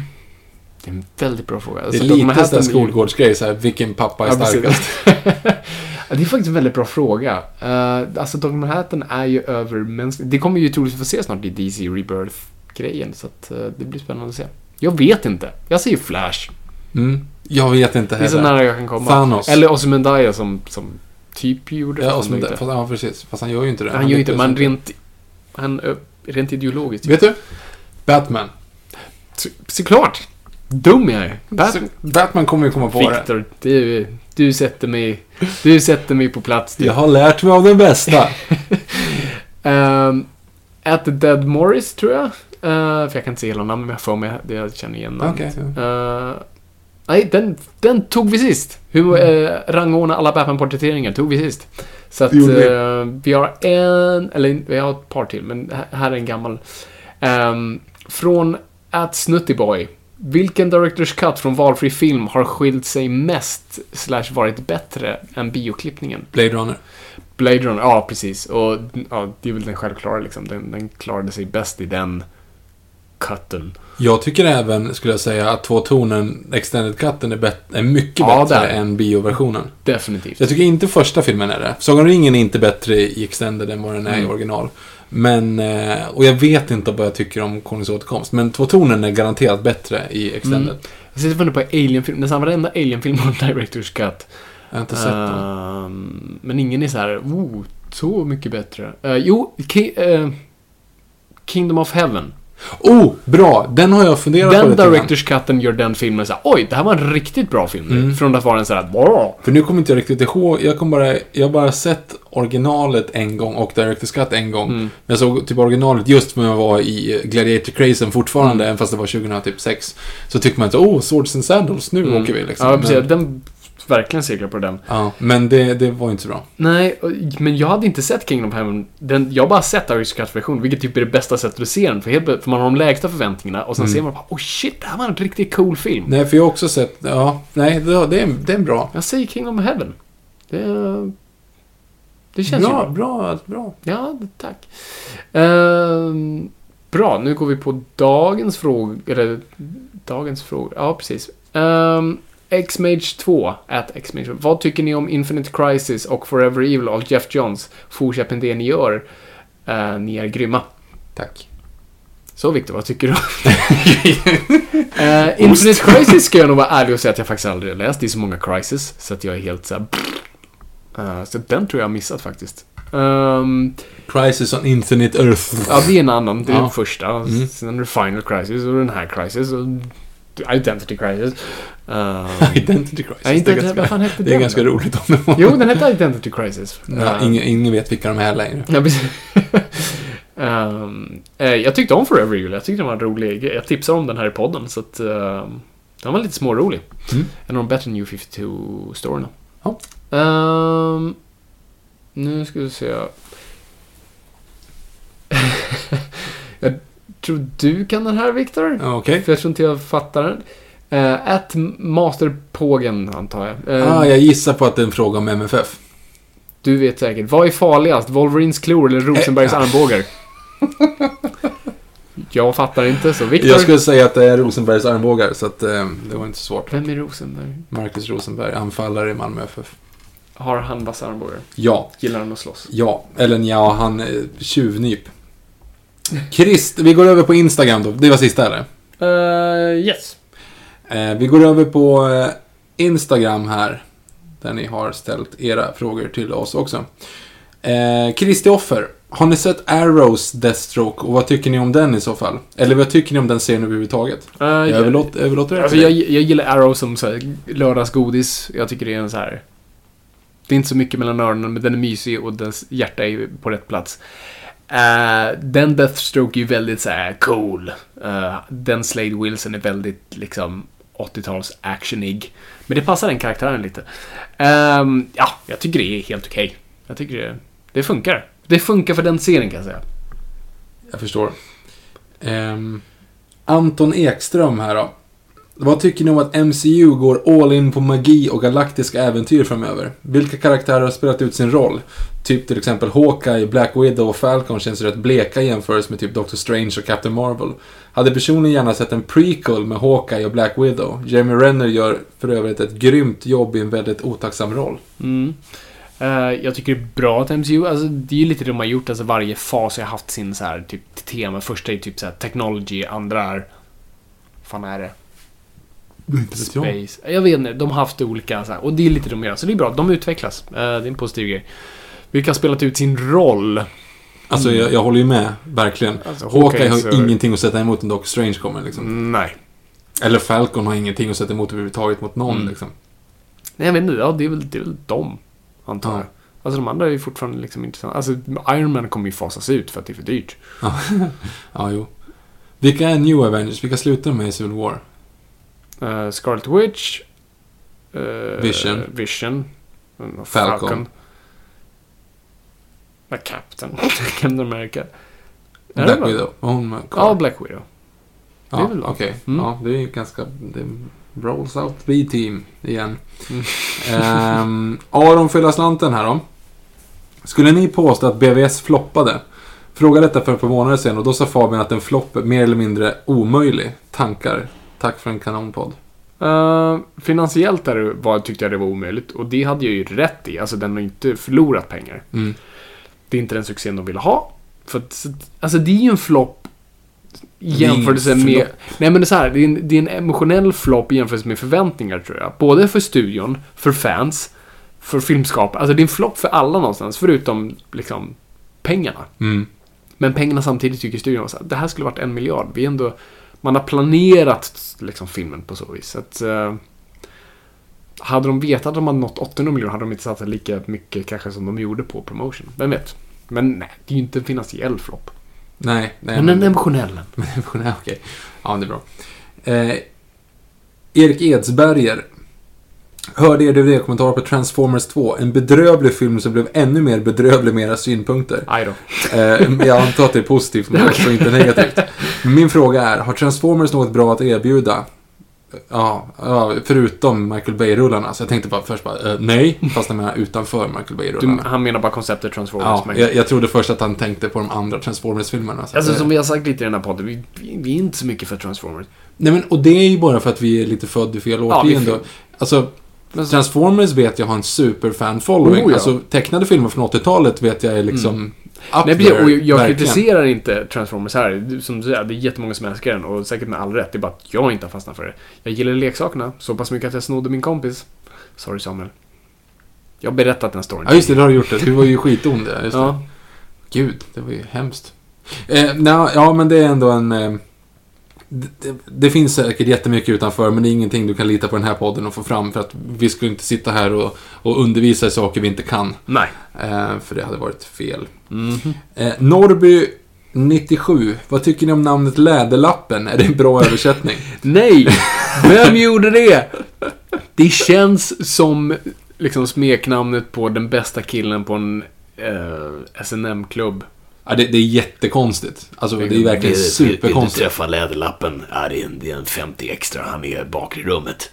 Ja, det, det, det är Det är jättekonstigt. Läderlappen. Alltså vad, vad, vad är lädret och vad är lappen någonstans? Alltså, det är ju en stjärtlapp de syftar på. Ja, eller... Är hans kallingar läder? Nej, jag, men- jag antar att det handlar någonting om att han har en, en mantel som kanske är läder. Och så tyckte man att han såg ut som att han var från Lappland. Inte vet jag. Det är... En haklapp. Bakom framvänd av läder. Precis. Eller att han är just en lapp. Alltså, från- Det enda bra som kommer av Läderlappen är parodin Knäpplappen av Don Martin. Som troligen inte hette Knäpplappen Troligtvis inte alls det. Nej, nej, men på svenska. Ja, så att det var ju inte riktigt därifrån det kom. Nej. Jag är glad att ingen så här Att vi ändå lever i den världen att filmen som släpptes i mars inte hette Läderlappen, Vi Stålmannen. Mot Stålmannen. Ja, just det. Så som andra ord, Läderlappen M. Stålmannen. Mm. Undrar hur många svenska journalister som har sagt den till, till typ så här, Tim Burton. Do you know that in Sweden we call Batman the leather patch? Mm. What do you think about that? Jag vet inte om folk har frågat det i alla fall. Men, Nej. eh, Har du sett den här intervjun när de intervjuar The Jam? ja, eller de heter ju väl bara Jam. Ja, de heter väl Jam. Mm. Eh, och då när, de, när den här svenska reportern frågar seriöst i primetime, dire- direktsänd TV Mm. liksom i ettan så här. Your name, Jam, do you mean like sylt? Var inte det en sån här hundrahöjdare? Ja, det är så hemskt. Stackarn. Ah, ja. Ademir Semanovic. Har ni sett Killing Joke? Och i så fall, vad tyckte ni? Vad tycker, förfa- vad tycker författaren... Oj, shit, nu, råkade, nu dog min telefon i två sekunder. Två sekunder. Eh, vad tycker författaren i Fabian om porträtteringen av storyn om Batgirl? För den som inte har koll, hur är deras relation, alltså Batman och Batgirl? Har det varit romanser, hat, beundran och så vidare? N- nummer ett, nej. Ej sett än. Mm. För att vi är slöa. Eh, vi ska se den, vi ska ge vår verdict. Eh, men jag vet att det tydligen pågår en liten romans mellan Batman och Batgirl i den här. Mm. Och det tycker jag låter som bullshit. jag har aldrig läst om det. Eh, och jag tycker deras relation är så plutonisk som den bara kan vara. Alltså, det är en sån här... Det är en av de få, alltså i Batman-familjen, de två respekterar varandra så mycket. Hon ser upp till honom och han respekterar henne något enormt. Alltså det, hon är dotter till Gordon men också hon är liksom sin egen person. Uh, och är liksom så egensinnad. Nej, alltså jag, jag tycker det lät konstigt när jag läste om det. Och jag, ska, jag dömer när jag sett filmen. Okej. Men jag, jag tycker inte det framgår i Alan Moores story att de ska ha haft en romans innan. Utan nej, det är bara en mutual respect. Hjälte och hjälte. I see. Vet Gordon om att hon är Batgirl? Uh, nu ska vi se. Han har väl vet... Inte just nu i... i, i nu, och inte i The Killing Joke i alla fall. Mm. Okidok. Eh, Cupcake Carro. Jag hann bara se början av er Periscope-sändning när ni skulle se Janne Långben The Movie, så jag är väldigt nyfiken på vad ni tyckte om den och att ni tyckte den var lika bra när ni såg den den här gången. Eh, jag älskar den och ser gärna om den om och om igen. Musiken finns på Spotify. Tack för en underbar podd. eh, vad tyckte vi om Janne Långben The Ja, vi diskuterade det där lite snabbt efteråt och vi sa lite såhär, alltså, det, det, det är mycket nostalgi i den. Och, äh, men det, det, i alla fall jag tyckte var så här, det, det är bättre manus än vad jag hade tippat. Mm, jag. Strukturellt liksom. Att, att sensmoralen är väldigt bra i den. Men den är ju väldigt, alltså den har sega moment och liksom, att den knyter ihop väldigt snabbt för den ska vara kort. Japp. Och sådana bitar. Så att den, Men den är fantastiskt rolig på sina ställen. Ja, ja, vi alltså. ju och skrattade högt många gånger. Så att. Och vi sa ju det att det där fem skrattregeln gäller ju här absolut och vi Mm. skrattade hejdlöst flera gånger. Så att, och, det, och då var det saker vi inte, alltså egentligen majoriteten av saker, saker vi hade missat, saker vi inte fattade förut. Så den är ju genuint rolig nu. Så det var inte bara vi skrattade för vi tyckte det var roligt när vi var små, utan nu var det snarare andra grejer. Nej, men den har, jag tycker ändå att den har åldrats ganska... Alltså den har åldrats väl, för att jag tror att... Bortsett från 90-talsstilen. Ja, fast om du, inte tänk, om du tänker på att det är en tecknad film och inte tänker på att det är 90-talsstil. Om en kid idag liksom på, på sex år skulle se den så hade inte den reagerat. Den Åh, vad de konstiga kläder. Den hade inte fattat serietidningar." konceptet powerline.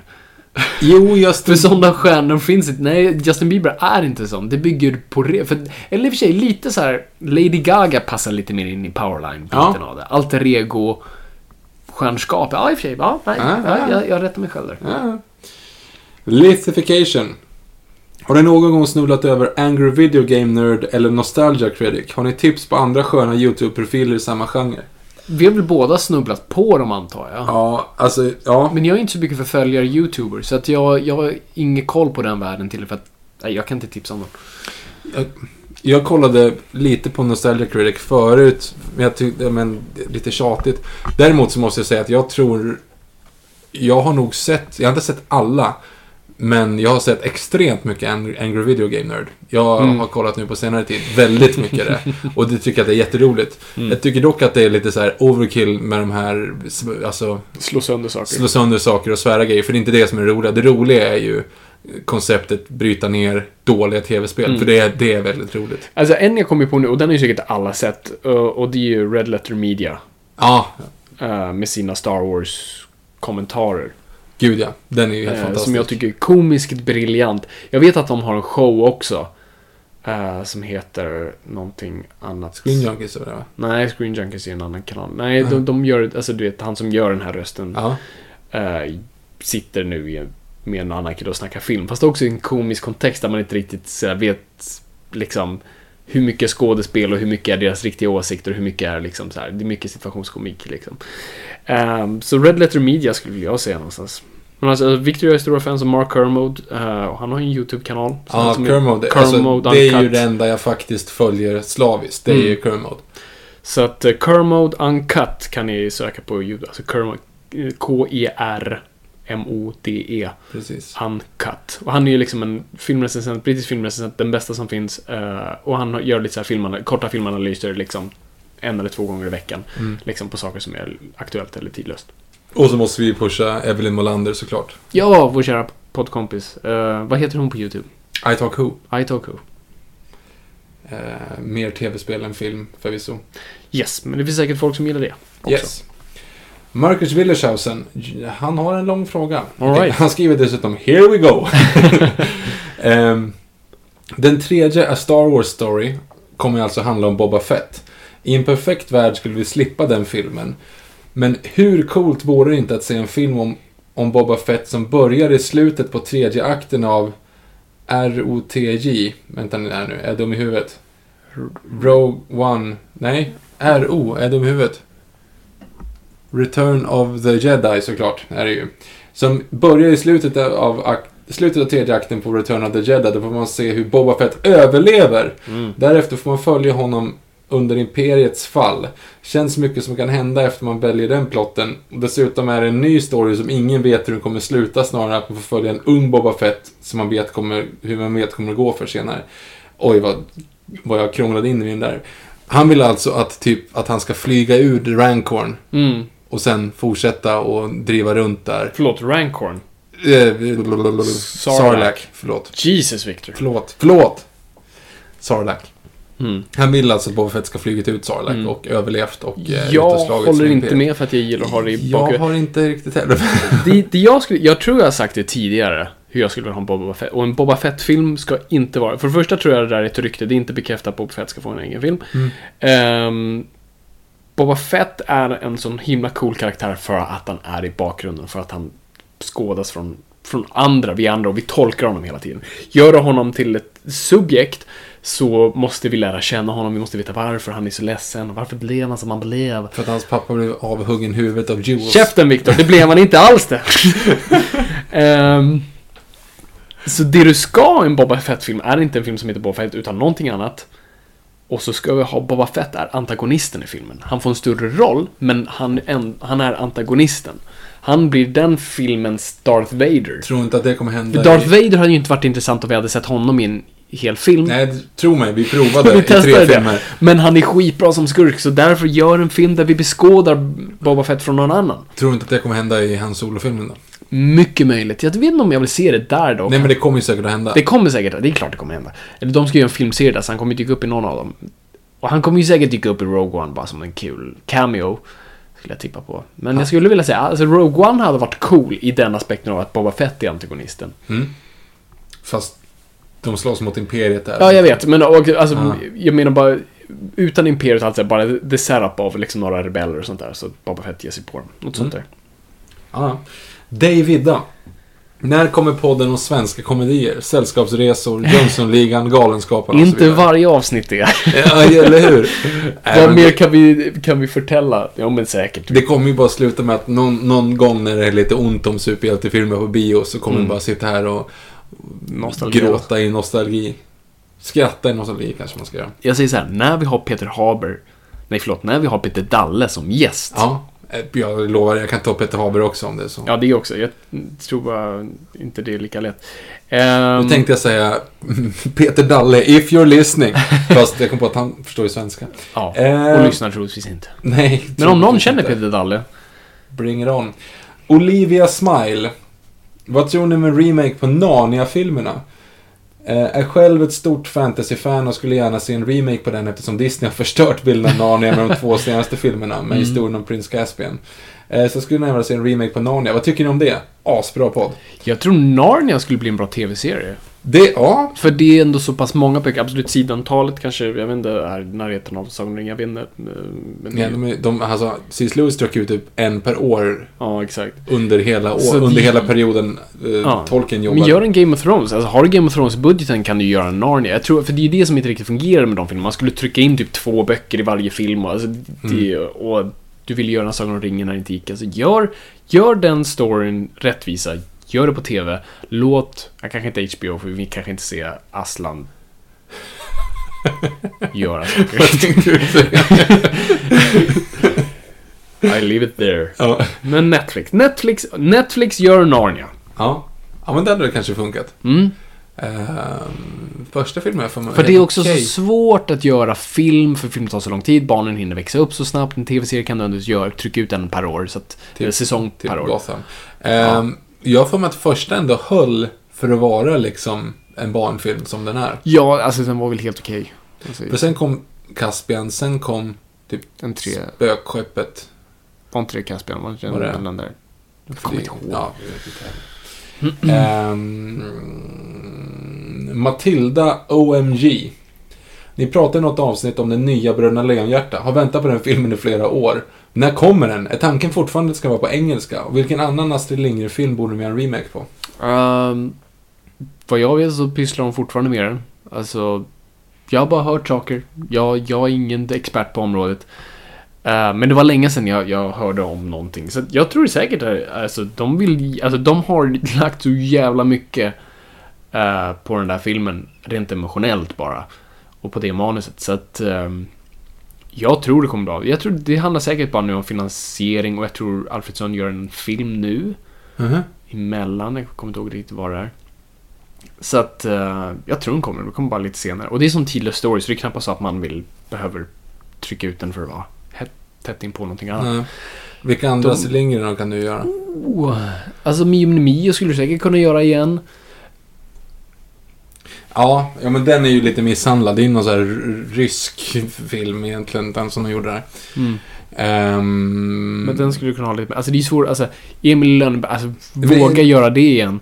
Nej, det går ju inte. Men Emil Lönneberg alltså, tycker jag fortfarande håller de gamla, för de Ja, ja, absolut. Det roliga är att jag reagerade ju inte. Jag såg dem förra sommaren med sambons systerdotter. Mm. Eh, och då är det så här att Alltså jag reagerar ju inte på att de inte är tidsenliga. Det känns ju som att de är inspelade på 1800-talet. Det är de inte såklart inte. Mm. Nej, precis. Men det känns som Just att det för är att så. de är lite gamla, de är lite 70-taliga. Ja. Absolut. Ehm, Så de behöver du inte göra om. Nej, det, jag tror inte... Och Pippi också kan få vara där.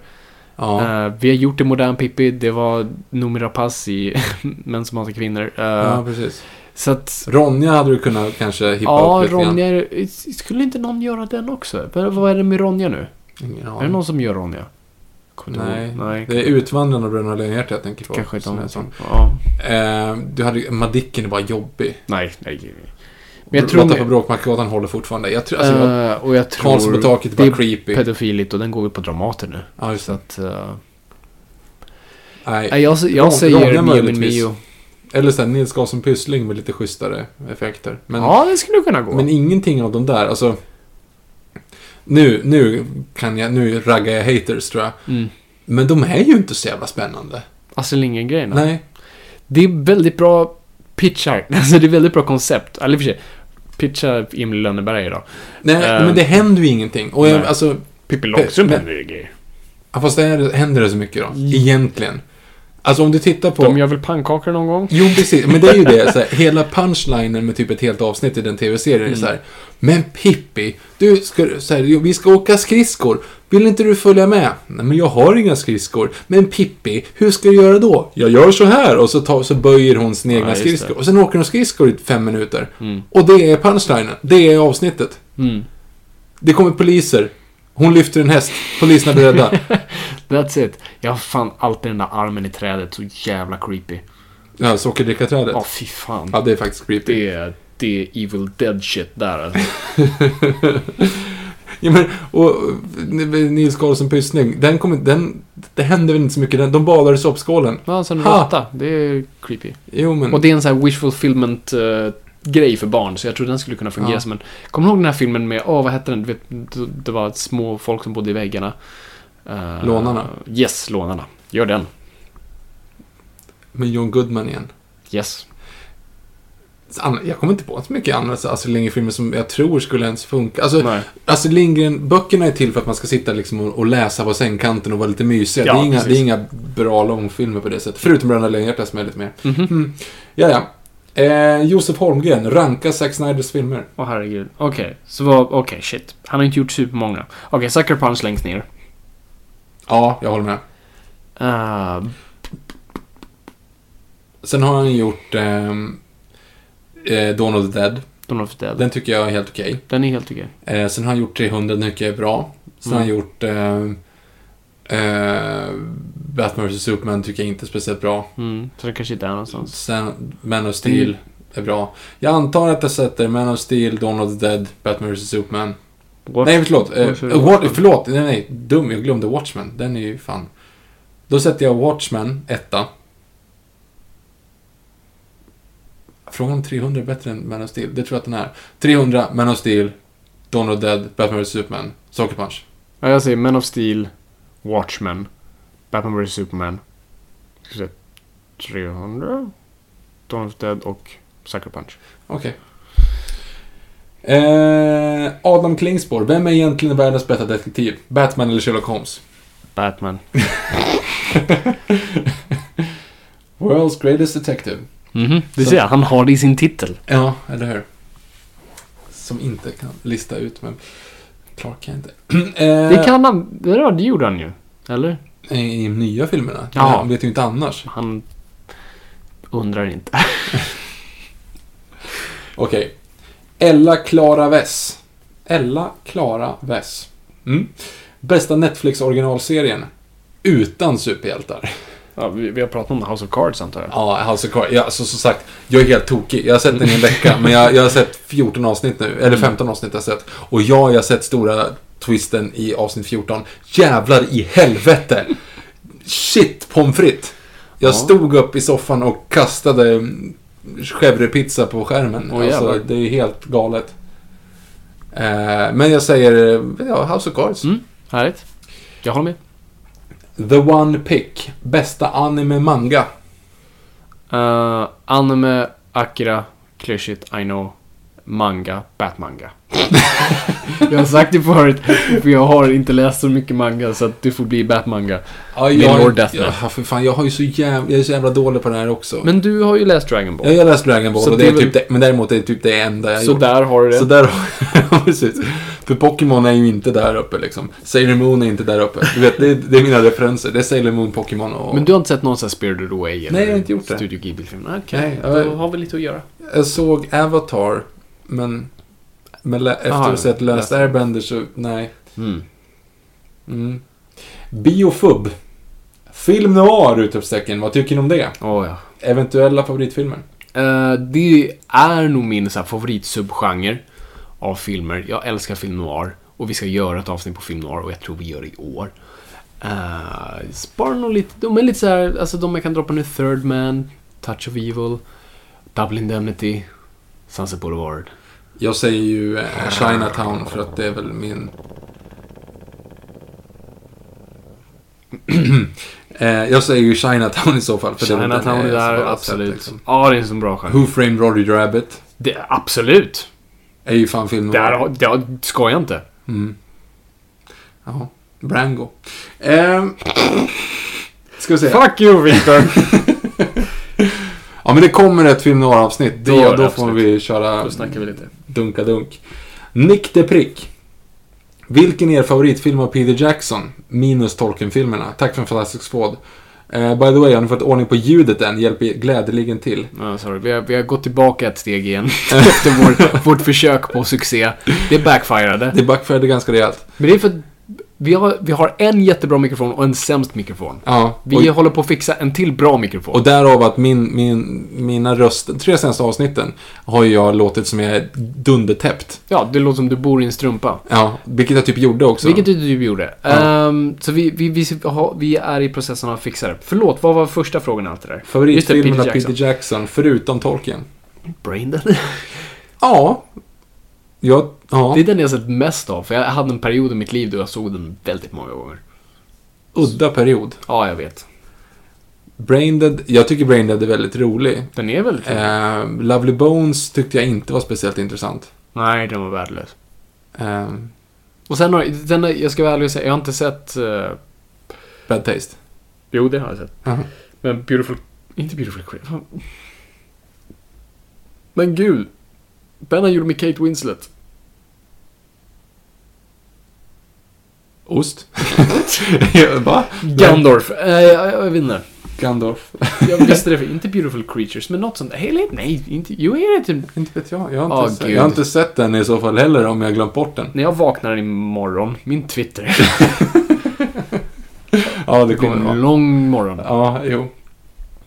Ja, men Nick de Prick, vi, vi ber om ursäkt för att vi är sämst, så att vi kan inte riktigt få fram den. Men Braindead kanske vi säger då. Eh, vi går vidare här till... Hur fan uttalar man det här? PE4 Seric. P- P- P- P- Seric? Fredrik Berg heter han i alla fall. Reaktionerna på Ben Afflecks videoinlägg igår på Deathstroke och ryktena på att han blir huvudskurken i Batflecks egna Batman. Ingen Arkham Asylum alltså. Good or bad? Åh, gud. DC-munken är tillbaka. Ja, och jag är Tobey Maguire. ja, det är ju såklart man bara såg det och bara... Mm. Ja, nej, det är ju nice. Jag tror dock inte det kommer bli skurken i, i Batman-filmen, för det är för tidigt att säga. Precis som inte vet hur post, eller pre-production fungerar. Du, så här tidigt går du inte ut med en sån grej. Om du inte är väldigt säker. Om inte så de har skrivit hela manuset runt Deathstroke, men jag tror inte det. Jag, ska inte, jag kan inte spekulera på någonting. Det är väldigt, alltså... Ma, alltså tidig stadium manus så du går inte ut med någon karaktär tidigt för att du vet inte om den kommer vara kvar i nästa version. Det spelar, alltså, ett manus kan vara så här supertungt Jokern till exempel och sen så blir det en version till när man kuttar om det helt. Suicide Squad. Ja, ja, men alltså, det var faktiskt, jag, tänkte, jag drog den jämförelsen och tänkte inte ens på det. Ehm, nej men alltså, så, så fungerar det. Så jag tror inte Ben Affleck skulle faktiskt våga säga att Deathstroke kommer. Eh, utan han ville bara visa, kolla att Deathstroke är med i Justice League. Är inte det coolt? Men varför var det han som la upp den? Det är ju det som le- leder till spekulation. Jag tror bara... Alltså, för det är en Batman-skurk, han är Batman. Eller det är egentligen en Teen Titans-skurk, men han räknas till Batman. Ehm, så jag, jag tror det mest det. För Batmobilen var i bakgrunden också. Ja, jag vet inte. Vågar de döpa honom till Slade Wilson nu? Säkert. Mm. Då kommer du inte våga kalla honom The Terminator i alla fall. Nej, jag tänkte efter, efter Wade Wilson. Alltså att det Ah, ja, jag liksom- förstod det. Ja. Ehm, men good or bad, du tror ändå att det...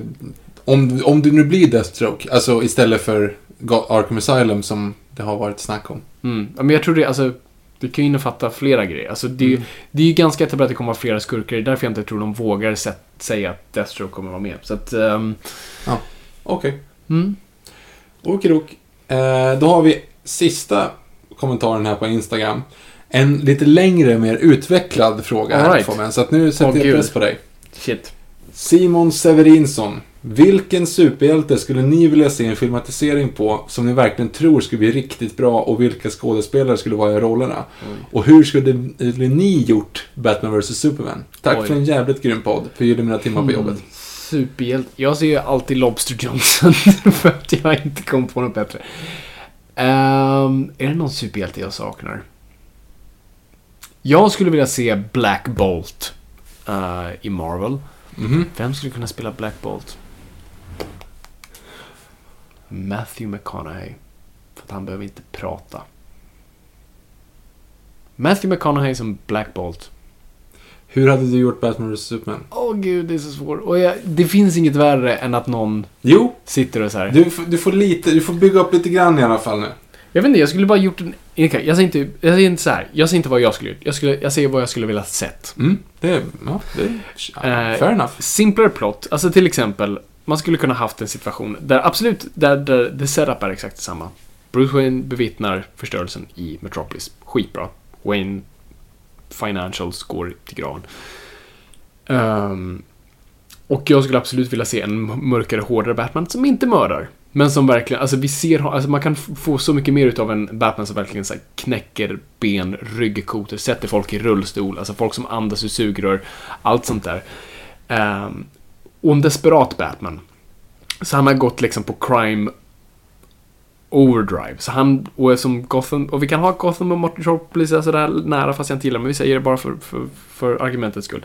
Du vet, Batman börjar, börjar röra sig i Metropolis nu. Han börjar liksom ta skurkar överallt och han börjar liksom han börjar ge sig på en snubbe som heter Lex Luthor som verkar ha lite konstiga saker för sig. Han är också medveten om Superman i bakgrunden, liksom hatar honom och på något vis har i bakhuvudet liksom den här personen kanske måste tas ner. Och jag tror att deras öden binds runt Lex Luthor, för båda utforskar Lex Luthor på varsitt håll. Clark Kent som utforskar kanske finansiella konstiga saker som Lex Luthor gör och Batman på rent crime håll. Det är någonting han... Vad vet jag inte. Eh, och där clashar de i liksom, utforskningen av Lex Luthor. Och, och det här har du två helt olika ideologier som kanske hur man ska ta hand om Lex Luthor. Batman är helt för att försöka bara ta ner honom, krossa honom och göra det värsta man kan göra med honom. Uh, Superman, sin inspirerande figur, vill bara liksom komma till liksom, vad, är, vad är det som händer här? Det blir en clash, troligtvis någonting, uh, liksom, de vill nå någonting men de är i vägen för varandra och det blir liksom en konfrontation. Men också Batman vill i den fighten varna Superman och säga Gör, ing, gör inte om det här igen för att jag kan ta ner dig. Jag har till kryptonit, jag har jag visar nu I'm a man och liksom I can take you.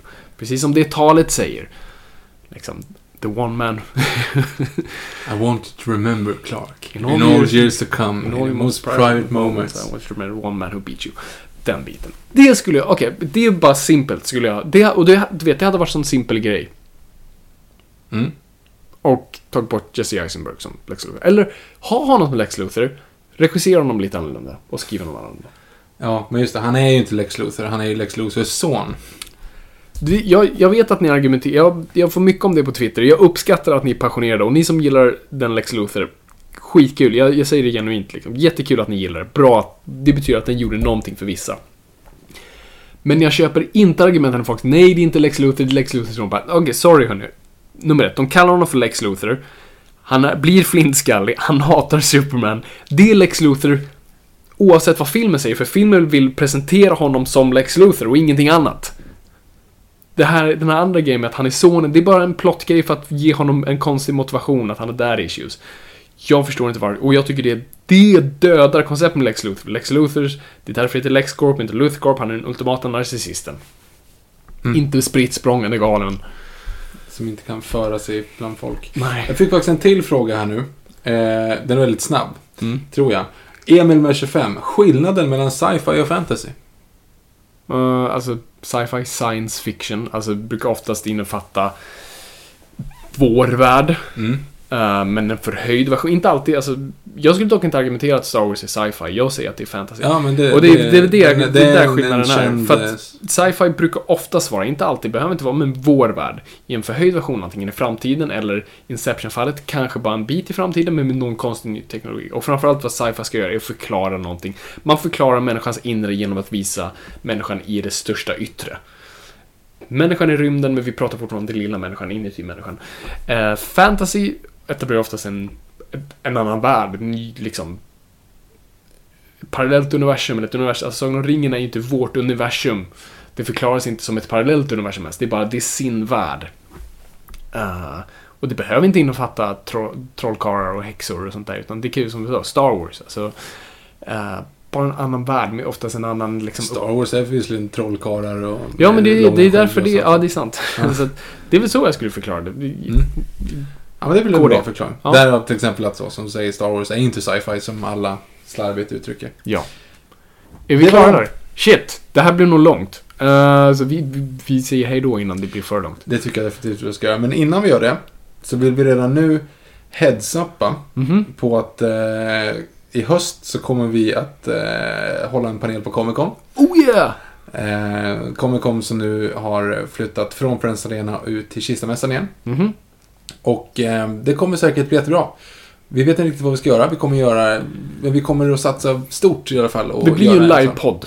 Oh ja, Det kan ja. vi säga. Och det kommer bli en show och det kommer bli bättre än förra året. Gud ja. Jag var su- eller vi var supernöjda med förra året, men vi vill göra det lite mindre gästcentralt. Lite mer faktiskt- sång och dans. Sång och dans, göra en show eh, som är liksom kul att titta på. Och det, är liksom, det, det ska vara till för att upplevas live och där. Precis. Eh, för jag lovar er, det kan vi redan säga nu, att visuellt kommer det bli intressant. Ja, oh ja. Mm. Oh ja. Nej men så att eh, ni får jättegärna, för det kommer ju bli av. Eh, vet inte riktigt än vilken dag det blir, vilken tid, men ni får jättegärna planera in. Eh, Det är i alla fall under helgen. Ja, gud ja. ja det är För det ju- brukar också vara torsdag, fredag, lördag, men, Ja, men det, säger det är lördagen lördag eller söndagen vet vi. Än så länge. Eh, så att ni får jättegärna planera in i era kalendrar att åka dit och heja. Heja på. Ja, vi behöver er där. Det kom ju så många sist, så vi vill ha er tillbaka. Precis. Och fler dessutom. Ja.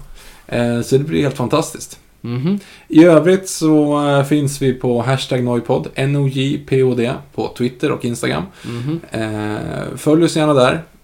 Eh, och skriv till oss gärna på hashtag Noipod, för vi, vi läser självklart allting. Mm. Eh, det är inte alltid vi har en jätteutförligt svar på era frågor där, men, men vi läser i alla fall allt- absolut allting. Ja, och det finns ju at Noipod också. Mm. Där är det betydligt mindre chans att vi ser er. Precis. Så hashtag Noipod eller direkt till Engberg Viktor eller at Fabian Nordlander. Och så finns vi på Facebook och, och YouTube och allt sånt där. Men, Ja, men det är jag, framförallt jag har hört att är- folk vill kanske skriva lite längre frågor eller ha lite längre tankar och sånt där. Det kan ni göra på Facebook. Ja, just det. Eh, där finns det mer material för sånt. Så att, eh, ja, det är väl det. Så är det. Så är det. Jättebra, vi, vi bommar igen det här. Det gör vi. Mm. Eh, tack för att ni har lyssnat. Det är kul att ha lyssnat och kom ihåg att folk, ingenting är för nördigt.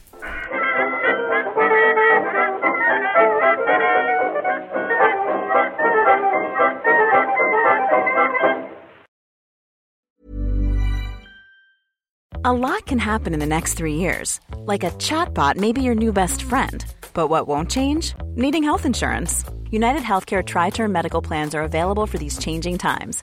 Underwritten by Golden Rule Insurance Company, they offer budget friendly, flexible coverage for people who are in between jobs or missed open enrollment. The plans last nearly three years in some states, with access to a nationwide network of doctors and hospitals. So, for whatever tomorrow brings, United Healthcare Tri Term Medical Plans may be for you. Learn more at uh1.com. Even when we're on a budget, we still deserve nice things. Quince is a place to scoop up stunning high-end goods for 50 to 80% less than similar brands. They have buttery soft cashmere sweaters starting at $50, luxurious Italian leather bags, and so much more. Plus, Quince only works with factories that use safe, ethical, and responsible manufacturing. Get the high-end goods you'll love without the high price tag with Quince. Go to quince.com slash style for free shipping and 365-day returns.